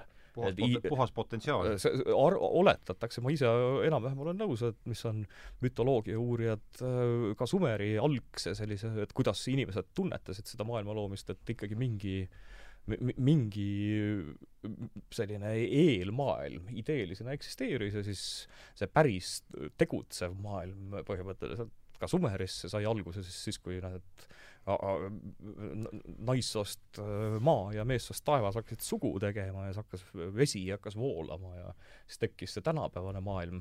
aga noh, see Zoroastrismiga ongi vahe, et Zoroastrismis ikkagi maa ja taevas olid selle noh, Jahve sarnase Ahura Mazda loodud. Sumeris ja muudes usundites oli see nõndanimetatud staatil-, ma ei oskagi, noh, see embrüonaalne maailm, et see oli aegade algusest peale olnud, see ei vajanud eraldi looja jumalast. aga Zoroastrismis on teatud asjad, mis siiski ei ole Ahura Mazda loodud mm.. ja esimene selline asi, kui nii võib öelda, on siis seesama kuri olend, äh, kellega ta peab võitlust läbi aegade. ja teiseks, kõik see, mis see kuri olend on tekitanud, et ta on tekitanud väga palju halbu asju, ta on tekitanud surma, ta on tekitanud kannatused, ta on tekitanud kõikvõimalikud õnnetused ja viletsused, mis inimest tabavad. Need ei ole Ahura Mazda poolt loodud. ehk siis teiste sõnadega, kui inimene puutub kokku kurjusega, ei saa sorostristliku mõtteviisi järgi ta selles süüdistada head jumalat. ja see on see, see, see mis tähendab kohe, et teodiike probleem kaob ära, eks? just nimelt ja veel üks asi, millele ma tähelepanu juhin, on see, et ähm, kuigi kurjust kehastava olendi äh, kohta on erinevaid kontseptsioone zoroastrismis, on äh, kõik peale survaniitliku kontseptsiooni, millest me rääkisime, kus oli kaksikvendade müüdiga tegemist, seda meelt, et äh, sellel kurjal olendil ei ole algust, ta on kogu aeg olemas olnud, nii nagu Ahura Maastagi, täiesti omaette isoleeritud sellises sfääris ja ühel hetkel nad puutuvad kokku omavahel ja siis algab võitlus. sellel samal lahinguväljal no.? Äh, tegelikult juba ennem, enne, aga jah. siis, kui Aa, juba see võitlus on alanud, et just. see võitlus läheks edasi edukalt, selleks siis Aura Mazda muudab maailma olekut ja nüüd ja me oleme selle materiaalses maailmas, jah, osaleb siis selles kus me osaleme kõik ja veel in, inimesel on roll ju tegelikult, võtta selles jumal, jumalikus võitluses, inimesel ongi roll, et kui ta läheb headuse poolele, siis ta sellega aitab ju mõnes mõttes aitab kaasa. ja seal on selle vaba, vaba tahte aspektist oli ju vaba tahe ja in, inimene ühesõnaga ise valib, et kui tal on head mõtted, siis ta ka räägib neid äh, häid sõnu ja siis teeb ka häid tegusid ja sellega aitab kaasa hea ja kurja vahelise võitluse siis loodetavasti saabuvale mingile lõpplahendusele, et äh, oli, oli ju ka selles nõndanimetatud algses Zoroastrismis tõenäoliselt oli ka ikkagi mingi apokalüptiline lahing oli ette planeeritud, kus no see, see on, ma, ma ei oska nüüd, surmanistlikkus oli selline täielik apokalüpsis, aga aga et ka ikkagi Zoroastrism usub headuse võitu, kui kui see... nii öelda, et see ei jah, seal on see, see, et äh, selle võitluse tulemus mm -hmm. on tegelikult kõigile ette teada. ja ongi selles mõttes huvitav, et kuigi see on ette teada, siis inimesed, kelle vaba tahe ja valikuvõimalus antud, siiski vaatamata sellele, et see on ette teada, ei otsusta kõik headuse poolel olla mm. -hmm no mis see loo-, kuidagi noh, lo-, lo-, loogika võib-olla no loogika on see, et kes asub headuse poolele, selle kohta on ju teada, et äh, teda ootab äh, tulevikus õnnelik elu uueks loodud maailmas, aga kes asub kurjuse poolele, seda ootavad juba kohe pärast surma koledad kannatused, ehk aga, siis põrgu. aga et noh, si-, siin põrgu mõttes, on olemas neil? põrgu on sorastrismis no, olemas. no aga tähendab, si-, siin ongi, et seal noh, sorastrismi puhul seal annabki vastandada seda nõndanimetatud inimlikku ahnust või, või igasugu neid kohe tõ-, tõenäoliselt selle kurjasti või halvasti tegutseva inimese mõttes ongi, et ta tahab kohe saada kõike head, krahmata asju omale ja ja siinses näilises maailmas tarbida mateeriat ja ja nii edasi, et ma pakun, et sellest see ongi no võib öelda nagu, niimoodi, et ideaali teadmine ei pane inimest ideaali järgi käituma. et see, et mm. inimene valib ikkagi selle, et kohe praegu oleks palju kulda või süüa või, või palju naisi või midagi, et see, et siis tõenäoliselt niimoodi seda ette kujutatigi, et et üks oli siis moraalne inimene, kes näiteks naabri, aitas naabrit ja ei varastanud äh, naabri tagant või, või kaasinimese tagant ja oli, oli aus ja ustav, eks. ja siis see teine, mingi teine inimene, kes oli mingi varas või pätt või ebaaus kaupmees või tema oli nagu valinud selle isikliku materiaalse heaolu või hüved et saada need ebaausal teel, ma arvan, et niimoodi see inimene seda kunagi mõtestaski, ütleme, kaks tuhat aastat tagasi. et sul oli võimalus elada ausat ja e-, eetiliselt õiget elu ja, ja võib-olla siis selle läbi mitte kohe, kohe saada noh, kõiki neid häid säravaid asju, aga et pärida mm -hmm. siis, olla õigel poolel ja pärida pärast kõike, et ma, ma arvan, et see on, või, võis olla sellisena mõtestatud, et nojah, ja see, milline see eetiline käitumine välja nägi, oli ju ka selles mõttes äh, lahti seletatud, et olid väga konkreetsed äh, asjad äh,, milles siis oodati, et inimene neid järgiks, teatud asjad, millest ta hoidub. Juba Vana-Kreeka autorid räägivad seda, et pärslased juba maast madalast õpetasid oma lapsi rääkima ainult tõtt. samas, mis see tõde on, seda ei ole lahti seletatud zoroastristlikes tekstides ja muidugi on terve hulk ka konkreetseid selliseid toiminguid, millest inimene peab hoiduma, noh näiteks kannatuste põhjustamine elusolendile, mõneti sarnane budismiga, ja muidugi mm. rituaalne puhtus oli väga oluline zoroastrismis, kuni tänaseni tegelikult äh, seda, ortodoksed zoroastristid äh, järgivad erinevaid puhtuseeskirju, noh, mida võib võrrelda nende puhtuseeskirjadega, mida siis ortodoksed juudid järgivad, nad on kohaltki isegi kattuvad. Mingil määral see hügieeniriiv, hügieeni no ja miks, miks ju, miks ju zoroastristid tänapäeval on väljasuremise-ohus, on see, et tõsiusklik zoroastrist minu teada siiamaani ei tohi abielluda mitte Zoroastristiga, et neil on, neil on ka selline genealoogiline puhtus on sellistel ikka väga oluline. jah, ja, ja samas peab arvestama seda, et suur osa äh, zoroastriste elab tänapäeval ju diasporaas, nad elavad väljaspool oma ajaloolist äh, mm, kodumaad. ja India on suurim. India on suurim, aga selle kõrval neid on ju väga palju ka Ameerika Ühendriikides, Kanadas, Austraalias. Iraanis paarkümmend tuhat. Iraanis paarkümmend tuhat, Euroopas on neid isegi ja kokku siis jah, arvatakse, et neid on kusagil saja kümne, saja kahekümne tuhande vahel täpselt. ja see on ühesõnaga, mis ongi, et vaatajale või kuulajale, et kui alati võib Youtube'ist vaadata kas rännumeeste või siis dokumentaalfilme nendest riitustest mm.. et Iraani on väga paljud viimasel ajal reisinud nende siiani tegutsevatesse tuletemplitesse ja ka Indiast on saadud igasugu nende pööripäeva festivale, mida nad tähistavad siiani igasuguste huvitavate riitustega, et tegelikult kuna see on elus usund, üks maailma väiksemaid maailma usundeid, hoolimata islami tagakiusust, nad on õnnestunud siiani ellu jääda, et tegelikult saabki ainult soovitada kuulajale vaatajale, et lööge Youtube'i Zoroastrianism, sealt tuleb paarkümmend, paarkümmend sellist täiesti asjalikku mm erinevate uudiskanalite või antropoloogide või rännumeeste ülesvõtteid. et mm. või kõik võivad ise vaadata. hea soovitus. jah, on võimalik vaadata erinevaid Iraani paiku, kus neid on säilinud, neist või ise minna või ise minna. Indias on Mumbai on nende põhiline keskus, seda linna on võimalik külastada, nii et mm -hmm. aga, aga zoroastristid on, üks halb asi ongi, et ma igasuguste väikeusunditegi noh, truusidest Faruk Abu Chakra on hea sõber ja kõikvõimalikke šiia ja sunni moslemeid, ikka väga palju on elus kokku puututud eri piirkonnadest, rääkimata iraanlastest, šiiadest äh,, aga üks inimene, kellega ma ei ole, tähendab usund, kellega ma ei ole kunagi isiklikult vestelnud, on Zoroastrist hmm.. mina et, vestlesin just hiljuti, äh, kui ma käisin Ameerikas sellel samal rahvusvahelisel iranistika konverentsil, sattusin ühes sektsioonis äh, istuma kõrvuti ühe vanahärraga, kes minuga juttu tegi ja uuris, kes ma olen ja kust ma tulen. ma siis rääkisin endast ja sain teada, et äh, tema on Indias sündinud Zoroastrist noh, India Zoroastristi nimetatakse parsideks mm, -hmm. pärslast, kuna nad on Iraanist välja rännanud siin omal ajal äh, erinevatel aegadel õigupoolest.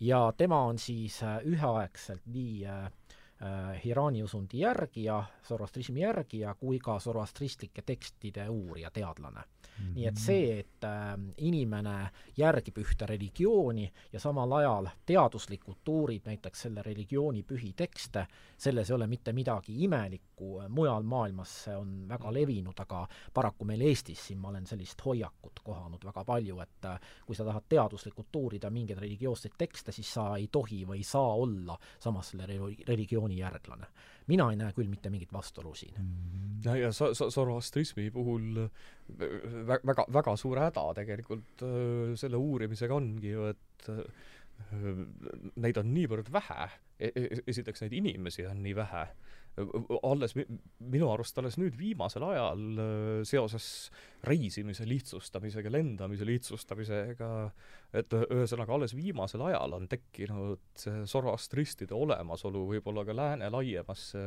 teadvusesse, et ma arvangi, et selle hästi suur rõhk on sellele, et tänapäeval on väga lihtne reisida.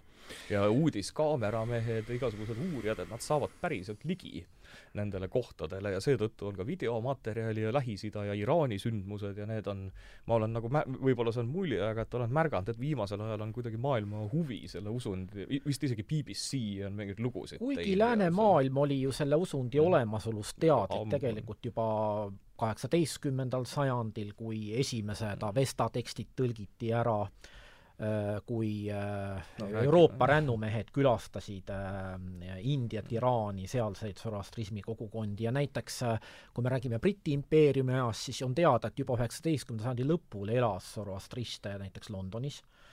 Nii et äh, ega nad tundmatud päris ei olnud. ei, seda muidugi, et ei maksa Nietzsche't muidugi no ma Nietzsche tõi selle korra, korraks ka katkestan teid siin natuke, et me ei läheks selle kõrvalteema peale, et kell surub ikkagi peale, et kui me tahame siin selle Mm, Peetri, Peetri bussi peale lasta, nagu me vahest peaksime, sest pilet, pilet on äh, kuuldavasti ostetud. veel on aega. et ähm,, et, et, et äh, no miks me üldse sellest teemast räägime, on ikkagi, tuletame meelde sellest, et, et kui lääne tsivilisatsiooni, see on see great tsitaat, mis on mulle mällu sööbinud, et kui lääne tsivilisatsiooni äh, lühike definitsioon oleks äh, võimalik, et siis oleks apokalüptilisel mõtlemisel seal Äh, keskne roll, noh, kindlasti on see või-, vaieldav väide nagu kõik väited, aga, aga vähemasti huvipakkuv. et, et see on see, miks me sellest räägime ja, ja nüüd me oleme hakanud sealt Zoroastrismist tulema ja ma arvan, et järgmine peatuspunkt võiks olla, ma pakuks välja Augustinus äh,, kuidas äh,, kes, kes võtab kokku seal äh, noh, ütleme siis klassikalise ajajärgu lõpus ju kõik need äh, mitmed äh, mitmed niidid, mis siis tänapäevases välja tulevad, ühest küljest siis Manilus kindlasti, eks äh,, teisest küljest on ta seal, platonist tuleb sinna hulka, et kuidas need nüüd Augustinuses kokku saavad, kõik need, kõik need, kõik need no saavadki kokku niimoodi, et äh, ta oli ju teatavasti suur vaimne otsija ja otsis väga kaua aega, just, ja puutus ta siis kokku erinevate traditsioonidega, ta tundis äh, platonistlikku filosoofiat, äh, ta oli mõnda aega seotud manilastega. Äh, ennem kui temast kristlane sai ja oluline on teada seda, et ka kristlikus traditsioonis sellel ajal, kui ta elas ja tegutses, oli äh, apokalüptiline mõtteviis äh, väga laialt levinud ja kurja probleem oli üks selline probleem, millega väga paljud teoloogid tegelesid. ehk siis teiste sõnadega küsimus, miks on kuri siin maailmas, kuidas ta siia maailma on saanud ja teine küsimus, mis sellega oli seotud, mis natukene haakub siis selle meie juba eelpool räägitud teemaga, vaba tahte küsimus, et kas inimesel on vaba tahe või mitte, ja kui tal on vaba tahe, siis kas ta suudab kurjale vastu seista selle tahtega. ja see oli ka üks Augustiinuse selline noh, põhiline küsimus, mis teda vaevas. aga et tegelikult meil need ajateljel, et me jõudsime juba kaasaega, aga et meil jäi hakkame, hakkame sinnapoole liikuma. et aga jäi ära veel jah, seletamata, et see populaarteaduslikult sai vist kõik lahti räägitud need põhiprintsiibid ja ja kujundid, aga et jäi rääkimata, et miks, miks ta nii väike on, et siis aastal kuussada viiskümmend üks islami levikuga Äh, Pärsia impeerium vallutati ja siis hakkas, äh, hakkas põhimõtteliselt selline vaikne islamiseerimine. aga, aga et miks siis äh, siiani Iraanis avalikkusele, muide Zoroastristidest Iraanis ei räägita, Tartu Ülikoolis üks üks neiu Iraanist pärit ise andsin juhtumisi ühes loengus Zoroastrismi osa ja siis ta ütles, et see oli tema jaoks esimene kord, kus ta kuulis oma kodumaa algsest no, religioonist, et äh, Tartu Ülikoolis ikka on, meil on noh, paarkümmend iraanlast ikka õpilaste ja aga ja see on ju lihtsalt kokku. seletatav, et kultuurikatkestus on vahepeal toimunud, kui ikkagi tuhande üheksasaja seitsmekümne üheksandal aastal toimus islami revolutsioon, siis äh, see vana kultuur äh, ikkagi ju põlustati otsekohe. ära ei hävitatud, äh, Zoroastristidel on õigus eksisteerida, aga mitte sõna võtta, ütleme no väga palju, et see on jah. just nimelt ja, ja mm. püüti teha kõik, et nii-öelda mm. avalikkus äh, ei näeks neid eriti palju Äh, nende tegevust hakati piirama igasuguste erinevate seadustega mm. ja noh, ütleme siis ideaaliks oleks ikkagi siis see, et noh, neid ei oleks seal.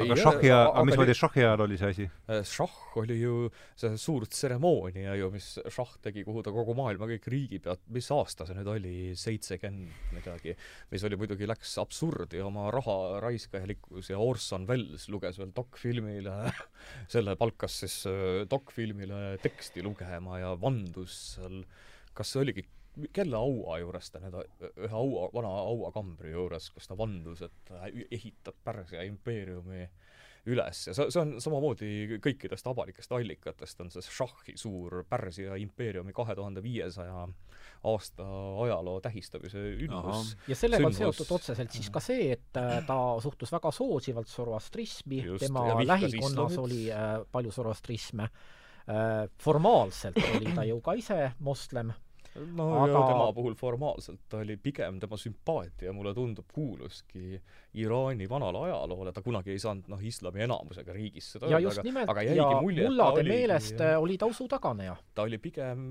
nad pidasid teda kas, ma ei tea, aat-, lääne ateistiks või võib-olla mm -hmm. isegi, kuigi ta alati või salakristlaseks. jah, aga et mul, mulle on mulje jäänud, et et siis Reza Pahlavi, tema tema see sümpaatia oligi, kuuluski sinna zoroastristlikku mõttemaailma.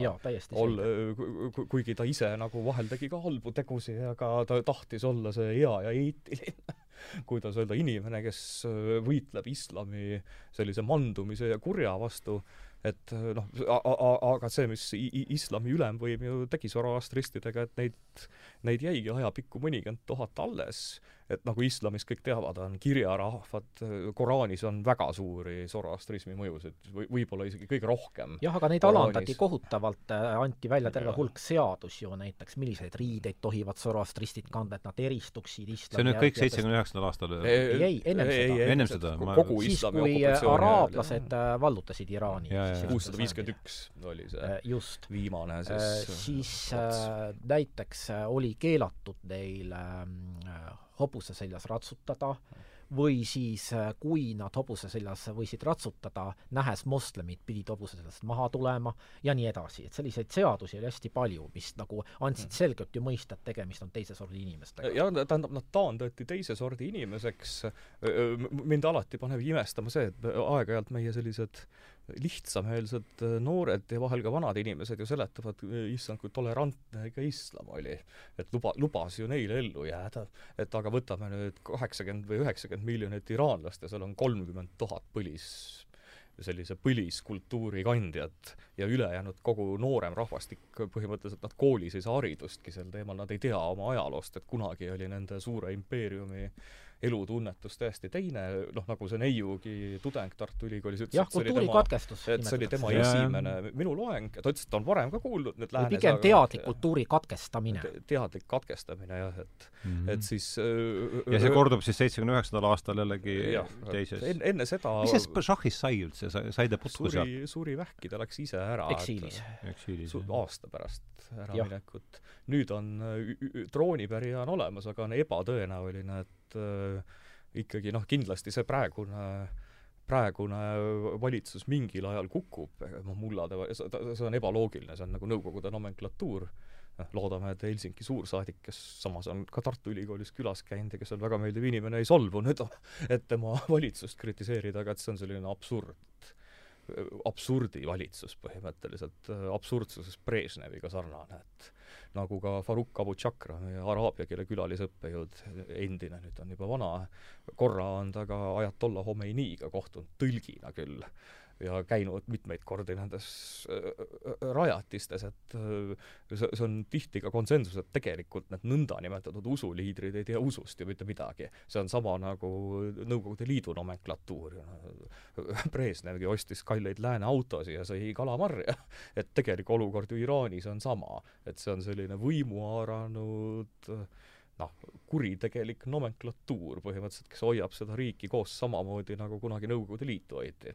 Ja tä-, tänapäeval on internet ja noored inimesed ja ka vanad inimesed üld-, üldiselt tundub, et selline konsensus hakkab minema sinna, et nad tahavad selle vana, mitte šahhiaegset, sest seal oli ka palju, aga et seda vana nagu vaba elu, see kindlasti taastub, iseasi, palju on inimohvreid ja kaua see veel, kaua see veel kestab, aga et ma arvan, et Iraani Iraani uue võimu tekkides taaskord Helsingis resideeruv suursaadik kindlasti on vihane, kui nüüd keegi ära tõlgib talle selle, et me, et me niimoodi räägime tema valitsusest, aga et ma, ma arvan, et see so-, Zoroastristidele koha peal annab ka uue hingamise siiski. ja kui ja, rääkida no ilmselt see vastuseis ikkagi Zoroastrismi pinnalt, kui neid seal on... nii vähe on, siis see, see ei ole nüüd see baas, mille pinnalt see vastuhaks saab tekkida, see on ikkagi mingi ei, Zoroastristid on ei no olukord on ju selline, et suurem osa Zoroastriste elab veel väljaspool Iraani mm.. Nad on emigratsioonis, elavad pagulastena kas mm. siis Indias või äh, teistes Aasia riikides või koguni Ameerikas, Euroopas mm. ja, ja see osa, kes elab kohapeal neist, on ikkagi väike vähemus mm. -hmm. ja ta, Iraanis pakutakse kolmkümmend tuhat, aga et ma pakun, et e-, e-, ega ega Iraani võimud võib-olla ka ei avalikusta seda täpset hulka, et aga noh, muidugi jällegi, mis kindlasti veel saate jooksul tuleb ära mainida, on, et Indias kus on kõikidel rahvusvähemustel on väga tugevad õigused, India on, nagu Mälgi ütles, üks väheseid või kui mitte ainus riik maailmas, kus igal vähemusrahvusel on, kohe on oma Eesti ka, meil on võrokesed ja setud kõikide õigustega, aga Indias on neil oma põhimõtteliselt kultuurautonoomia nad moodustavad India absoluutse eliidi sest nende perekonnad ja vereliinid on üle kahe tuhande aasta vanad tihti või noh, vähemalt üle tuhande. Ja India zoroastristid on tõenäoliselt India absoluutne eliit, nii ärieliit kui kultuuriline.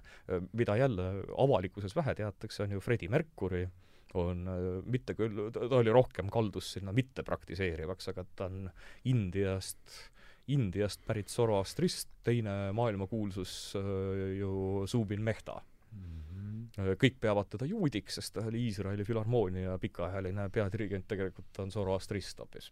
ta üritas seda kogu aeg öelda, ma ei ole juut, ma olen Zoroastrist, aga keegi ei usu, sest tal on selline võõras nimi ja kõik seostavad teda no kuivõrd nüüd saab, küsimus on ikka selles, et vaatan siit ja kuulan teie juttu mm. paralleelselt seda Gray teksti siin ees, et kuivõrd saab ikkagi üldse nimetada äh, kuuldud taustal mul tekib küsimus, et kuivõrd saab nüüd Zoroastrismi üldse nimetada monot-, monoteistlikuks usundiks, sest neid ju see on definitsiooni küsimus. Äh, asja üldse defineeritakse? mitmeid erinevaid vorme ja on selline mõiste nagu välistav monoteism, äh, mille mm. siis selliseks klassikaliseks näiteks peetakse Iisraeli usundit, aga mitte läbi kogu tema ajaloo, vaid ikkagi alates kuskilt sealt Pärsia valitsusajast. ehk see on selline jumala käsitlus, mis väidab, et on üks jumal, ja teisi jumalaid ei olegi tema kõrval üldse. ega Aga mingeid kui, olendeid ja nii edasi. no temaga ligilähedaselt jah, võrreldavaid olendeid ei ole. aga kui äh, äh, näiteks äh, dekaloogis öeldakse kümnes käsus, et mina olen Jahve, sinu jumal, sul ei tohi olla teisi jumalaid minu kõrval, siis äh, ega sellega ei eitata ju teiste jumalate olemasolu, keelatakse nende teenimine, aga nende olemasolu ei seata kahtluse alla ja nüüd, mis puudutab monoteismi, siis äh, on selline väga huvitav muutus aja jooksul toimunud zoroastrismi sees, mis on nende väheste tekstide põhjal, mis meil on äh, niimoodi rekonstrueeritav jämedates joontes. Ja see on siis see, et äh, kui äh, islam jõudis sinna äh, Iraani seitsmendal sajandil, siis sellest ajast alates hakatakse väga teadlikult rõhutama seda, et Äh, noh, zoroastristid endi poolt, et tegemist on rangelt monoteistliku usundiga ja need varasemad jumalused, kes noh, varasemates tekstides me näeme, elavad küllaltki iseseisvat elu selle jumala kõrval, noh, ise ta kaaskondlased on ja loodud. Äh, et need on ainult äh, inglitega võrreldavad olendid mm. -hmm. nii nagu judaismis, Kristuses on ja islamis ka, inglid on Jumala sõnumite vahendajad, et nad on siis samasugused olendid, aga tegemist on põhimõtteliselt samasuguse monoteismiga, nagu see on islamis või judaismis või kristluses. noh, islam tõenäoliselt ongi nendest hetke monoteismidest kõige välistavam, kui kui nii võtta, või kogu oma ajaloo jooksul et ta absorbeeris küll, islamis on meeletult palju zoroastristlikku sümboolikat, judaistlikku ja ka kristlikku, no paku-, zoroastrismis seda igavest tuld toidetakse viis päeva, eks, koos rituaalidega, no sama moslemi palve, eks, et see on noh, selgelt sealt võetud. no Iisraeli usund on ka ikkagi mm. alates Pärsia ajast välistav monoteism olnud ja kristlus on seda olnud kogu aeg ehk siis kui näiteks rääkida varaste kristlaste arusaamas, siis nemad ei seadnud kahtluse alla antiikjumalate olemasolu, aga nende käsitlus oli siis selline, et need jumalad, keda siis kreeklased ja roomlased austavad, reaalsed olendid küll, aga nad ei ole tegelikult mitte jumalad, vaid nad on teemonid, nad on kurjad vaimud mm. -hmm. no ja siin ütleme, kaasaegse kristluse puhul seda on seda on noh, keerukas öelda, et Luter vist oli öelnud, et moslemitest hullemad on ainult kalvinistid, mis on mhm. muidugi ka tõsi, aga aga et, aga et ütleme, kui veel Luteri ajal oli muidugi või, või noh, se-, sellel ajastul selle, aga mis, kuidas saab üldse mingi teine jumal olemas olla, oli ütleme, kristliku kiriku arusaam, et siis ikkagi, kui me vaatame juba Prantsuse revolutsiooni eelsetki aega, siis ütleme, haritud ringkondades hakkas ju väga tugev huvi tekkima olgu noh, kõige vastu, nii, nii India kui brittidelgi India kaudu ega meeletu huvi, sakslastel kõigil oli, oli huvi nende ja avastused langevad ja. ka sinna, aga mõtleme näiteks, eks ole, millal Egiptuse hieroglüüfid dešifreeriti ja nii edasi mm. -hmm. et see, ühesõnaga, kui nii võtta, et siis juba üheksateistkümnendal sajandil see nõndanimetatud eksklusiivne monoteism oli ammu kadunud, tegelikult isegi kaheksateistkümnendal et enam haritud inimesed ega ka haritud kristlased ei öelnud, et Budal ei ole midagi öelda või et tege-, tegelikult suht-, hakati kristlikus maailmas väga austusega suhtuma nendesse mitte küll, ma, ma ei mõtle talumehi või külakiriku õpetajat, aga ma mõtlen sellist noh, kõrgemat seltskonda. no seal taga oli üks kontseptsioon, mis tollal moodi läks, oli see, et kõik religioonid oma, oma selliselt põhiliselt sisult on üks ja sama ja mis nimi seal taga välised... oli, mis nimi on, ütleme, see, see, ütleme, see vaimusuundumus seda nähtust nimetatakse loomulik religioon äh, religiooni ajaloos. ühesõnaga mm. tekkis idee, et on olemas inimkonnal selline loomulik religioon, mis on kunagi ühine kõigile olnud, ja sinna alla äh, käivad sellised uskumused nagu, et on üks kõrgem jumal olemas mm, -hmm. inimese hing on surematu, inimene on vastutav oma tegude eest. äh,,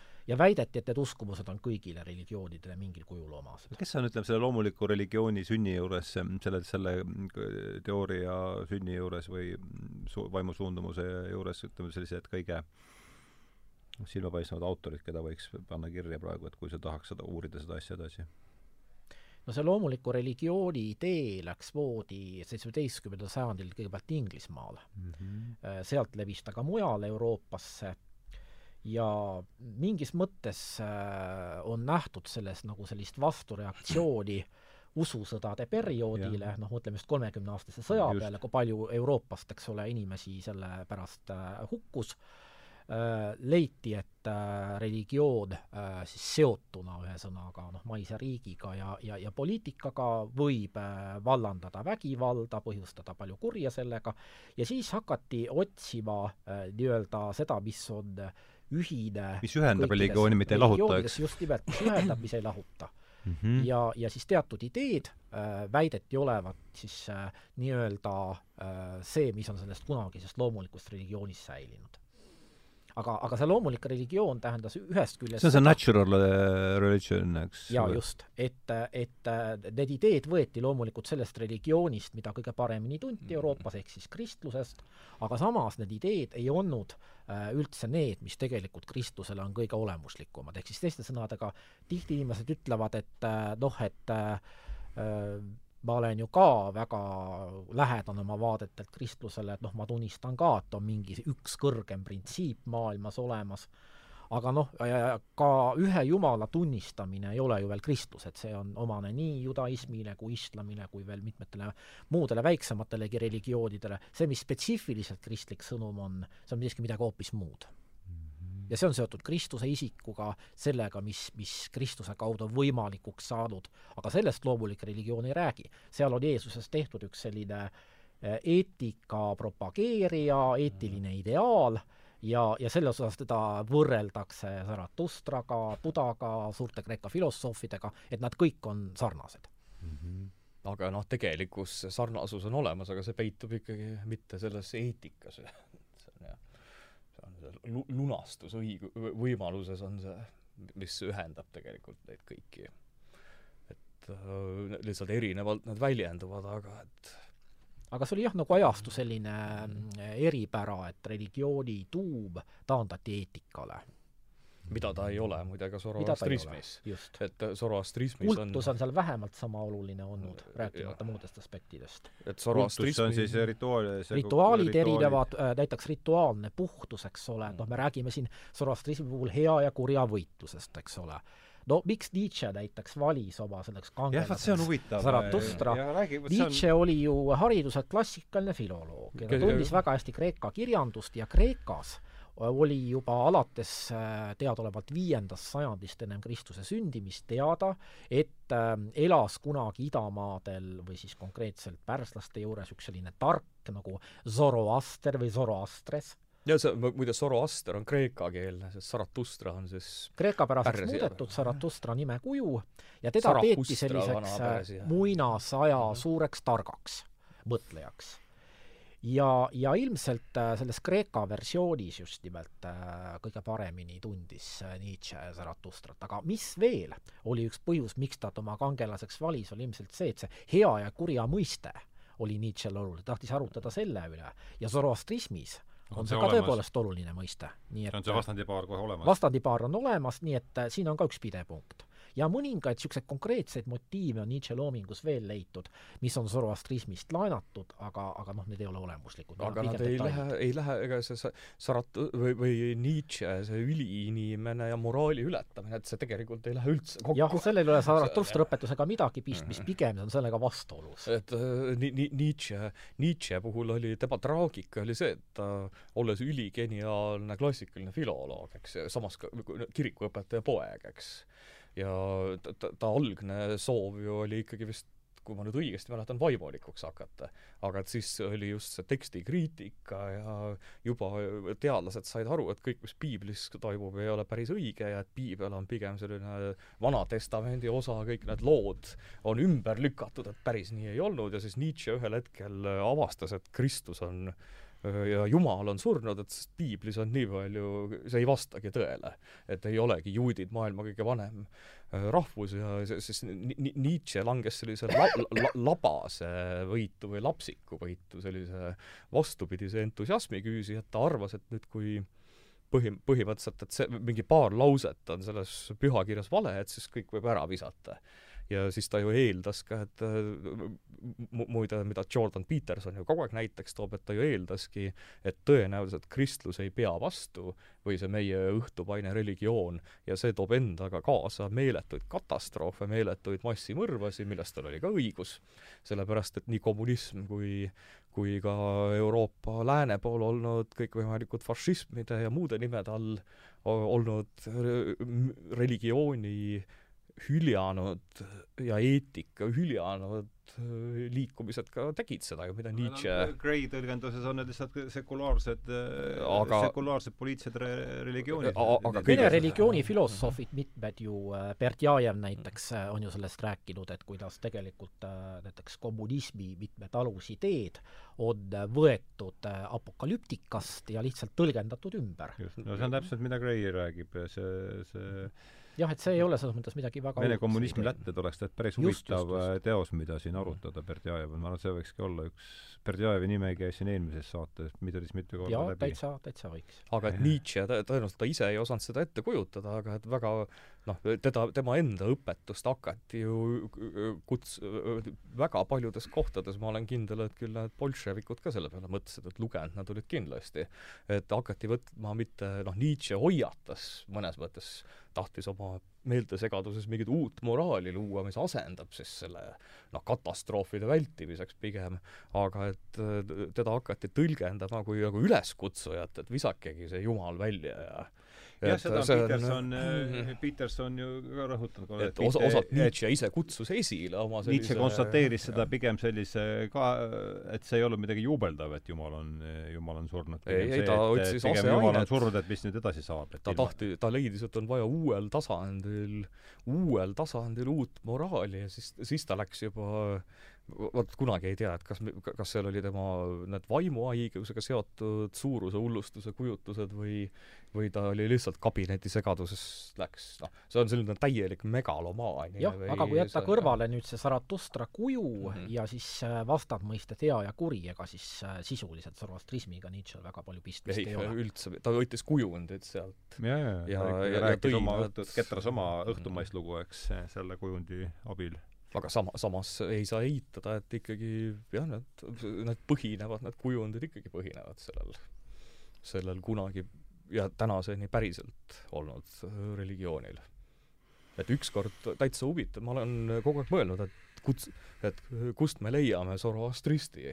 et ma olen kindel, et üks kuskil Eestis on olemas äkki et äh, keegi väitis, et kuskil Eestis pidi olema, et kui ta juhtumisi nüüd näeb ja kuulab, et siis võib kas siis äh, Usuteaduse Instituudi või Tartu Ülikooli orientalistika no, keskusega ühendust võtta. ehk õnnestub mul Iraani uuringute assotsiatsiooni kaudu tuua siia mõni et, et, et tahaks, tahaks õpilastele näidata ja, ja, ja isegi, et kõik muud sellised vanad, ütleme, mitte nüüd kõik, aga väga suur osa on on, on täitsa juba on nii tudengid näinud kui no abrahamlikud usundid on meil siin kõik esindatud, budism on tuntud, hinduism on tuntud. Ja nii, aga ma tahaks nüüd pöörduda Jaani kui religiooni ajaloolase poole, et no erinevaid usundeid on ju meil maailmas äh, mitmeid ja üks kõigi nende tunnus, ma ei tea, kas, kas sa võid öelda, kas võib seda öelda, et et esatoloogia on kõigi usundite niisugune üks, üks parameetrit või on selliseid religioone, kus esatoloogia äh,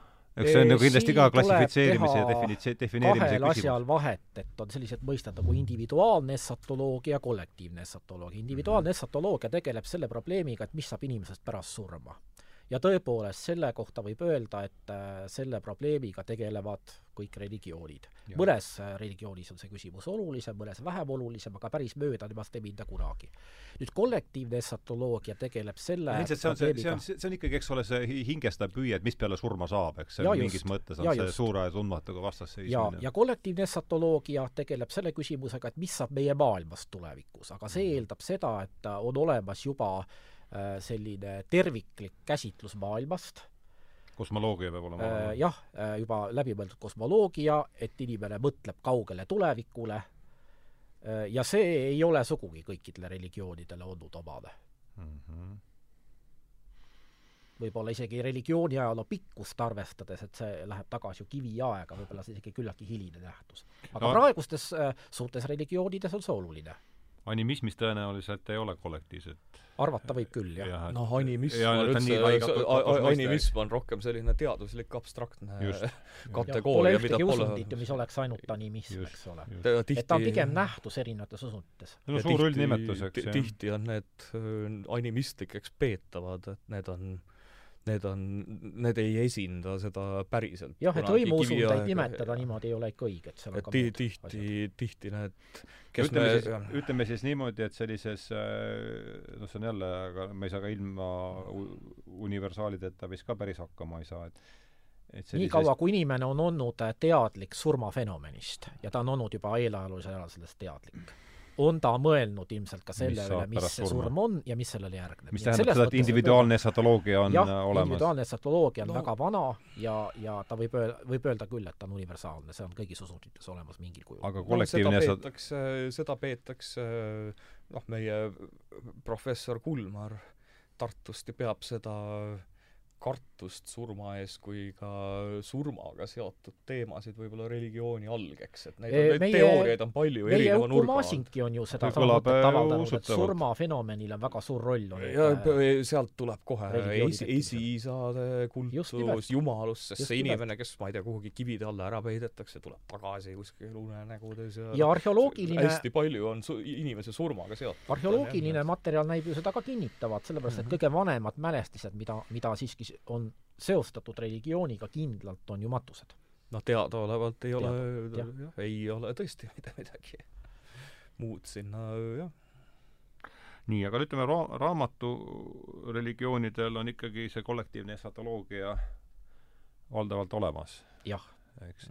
aga kas on nüüd, ütleme, võtame siis need kollektiivsed esatoloogiad, kas on võimalik, ma ei tea, võtta mingi kaks, vähemalt kaks, aga võib-olla siis kolm sahtlit, et, et erinevate esot-, et kuidagi neid noh, rakendame siis teaduslikku meetodit või aristotellikku meetodit, üritame kuidagi kategoriseerida asju. kas see niisugune mm, katse oleks üldse mõttekas, et et kuidagi need lood niimoodi vähemasti kahte lehte jaotada ja, ja, ja ja ja, ja kui et siis ja kui seda juba teha või kui seda hakata tegema, et siis on järgmine küsimus, mis, mille alusel neid siis kuidagi jaotada? jaa, religiooniteadustes on üks selline mm, valdkond nagu seda religiooni fenomenoloogia.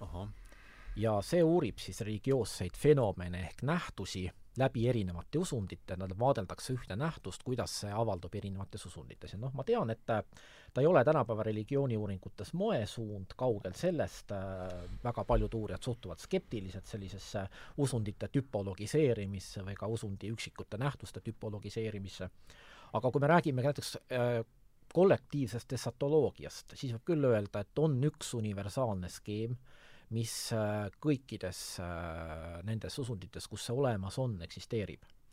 ja see on siis selline skeem, mida võib kujutada nõnda, et äh, kogu maailma ajalugu, universumi ajalugu jagatakse laias laastus kolmeks perioodiks. üks on algolukord, see, mis oli kunagi ammu, teine on praegune olukord, milles me oleme, ja kolmas on siis see olukord, mida oodatakse tulevikus sündivat mm. -hmm. ja väga hästi äh, väljendab seda manilus, äh, kus on siis äh, üks põhiõpetus, õpetus kahest algest ja kolmest ajastust. kaks alget on hea ja kuri, nii nagu need Zoroastrismiski on, ja nii nagu Zoroastrismiski, eeldatakse ka maniluses, et need alged on mõlemad olnud olemas kogu aeg. üks ei ole tekkinud. nüüd kolm ajastut on äh, esiteks ajastu, kui headus ja kurjus olid lahutatud teineteisest, nad olid kumbki nagu hästi omaette maailmades. kolm ajastut, nii. ja see on esimene ajastu, kus need kaks printsiipi on lahutatud. siis teine ajastu on, kui nad kohtuvad ja segunevad omavahel, see on see praegune ajastu. ja kolmas ajastu on äh, tulevane ajastu, mida oodatakse, mis on seotud murranguliste sündmustega, millega kaasnevad ka suured katastroofid, aga mis lõpuks lõpeb pimeduse valguse eraldamisega mm. -hmm. see on see lõppseisund, kuhu tahetakse välja jõuda. uuesti kur-, hea ja kurja ala uuesti hea ja kurja eraldamine mm. Ja see, äh, ühesõnaga, algseisundi taastamine on algseisundi taastamine, selline jah, selline idee, mida me kohtame tõesti erinevates religioonides, kus on kollektiivne esotoloogia olemas ahah, nii et see skeem tundub olevat siis kõikidele religioonidele, kus on olemas äh, kollektiivne esatoloogia, kus üldse saab midagi jah, erinevate variatsioonidega loomulikult äh, noh, maniluse eripära näiteks seal, et seal kurjus ja mateeria samastatakse omavahel, äh, headuse ja kurjuse eraldamine on ka vaimu ja mateeria eraldamine ühtlasi, mis ei ole zoroastrismis näiteks niimoodi, aga noh, ühesõnaga see, et sellised etapid on, see tundub küll olevat küllaltki universaalne. Mm. -hmm nojah, seesama jah, ikka see algseisundi taas, taastumine noh, siin on see tundub huvitav. noh, al-, algseisund, see on ka selline hüpoteetiline, et mis seda kasutatakse, seda kasutatakse selle nõndanimetatud algse puhtuse nõudmist, tänapäeval ma olen kuulnud seda kasutatavat näiteks konservatiivse mõtteviisi vastu, et nad nagu otsivad algset mingit puhast olekut, aga aga et kuivõrd mingi usund seda algset olekut nii väga tahabki, et ja, et ei, ei, ei tule nagu ei ma tule ikkagi..., kas sor-, Zoroastrismis ju, kas seal on ikkagi, ei ole ju algse oleku taastamine, aga ma ei tea, kuida-, sellel on ju kindlasti see on uuendatud maailm, mis, mida siis oodatakse, aga see uuendatud maailm on ikkagi selline, mis selles mõttes on lähedane algsele seisundile, et seal ei ole kurjust ja kannatusi ja kõiki neid muid mhm. halbu asju. aga no kuidagi, kuidagi mõte ta ei ole päris sama, aga ta on väga sarnane sellele mm. -hmm et kui see nüüd on ikkagi universaalne skeem, et siis see, see algseisundi, et kas see on, minule nagu tundub järjest enam, et see on ikkagi see, see algseisund, mida siin igatsetakse, on see teadvuse tekkeelne no ei teadvuse, kas noh, ma ei tea, see, ma lihtsalt viskan selle palli õhku, et, et noh, see on see seisund, mida seda algset puhku, puhtust, kui ei ole, või ütleme, seda algsest äh,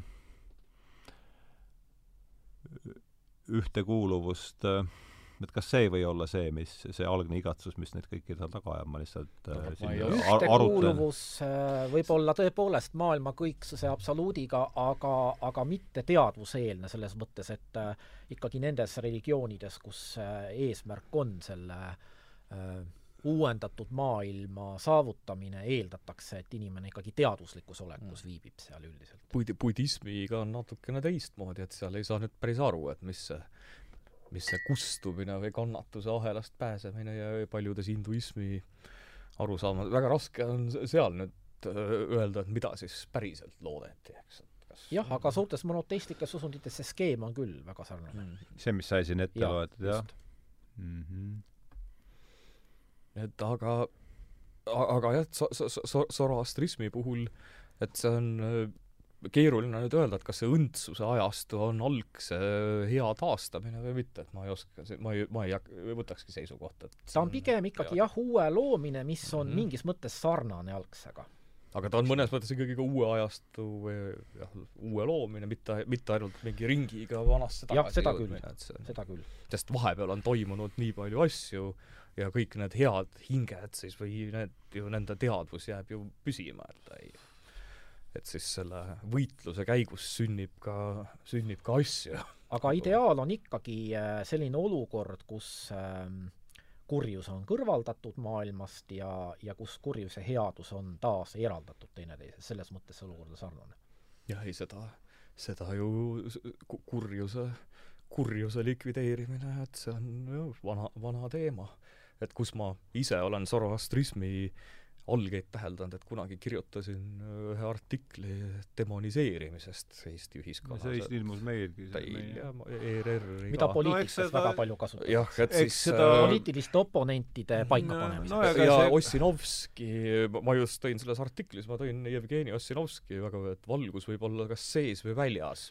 et mul nii, kui ma lugesin seda, see oli kaks tuhat viisteist või kuusteist kõne Ossinovskile, mul esimese asjana tuli kohe Zoroastrism meelde.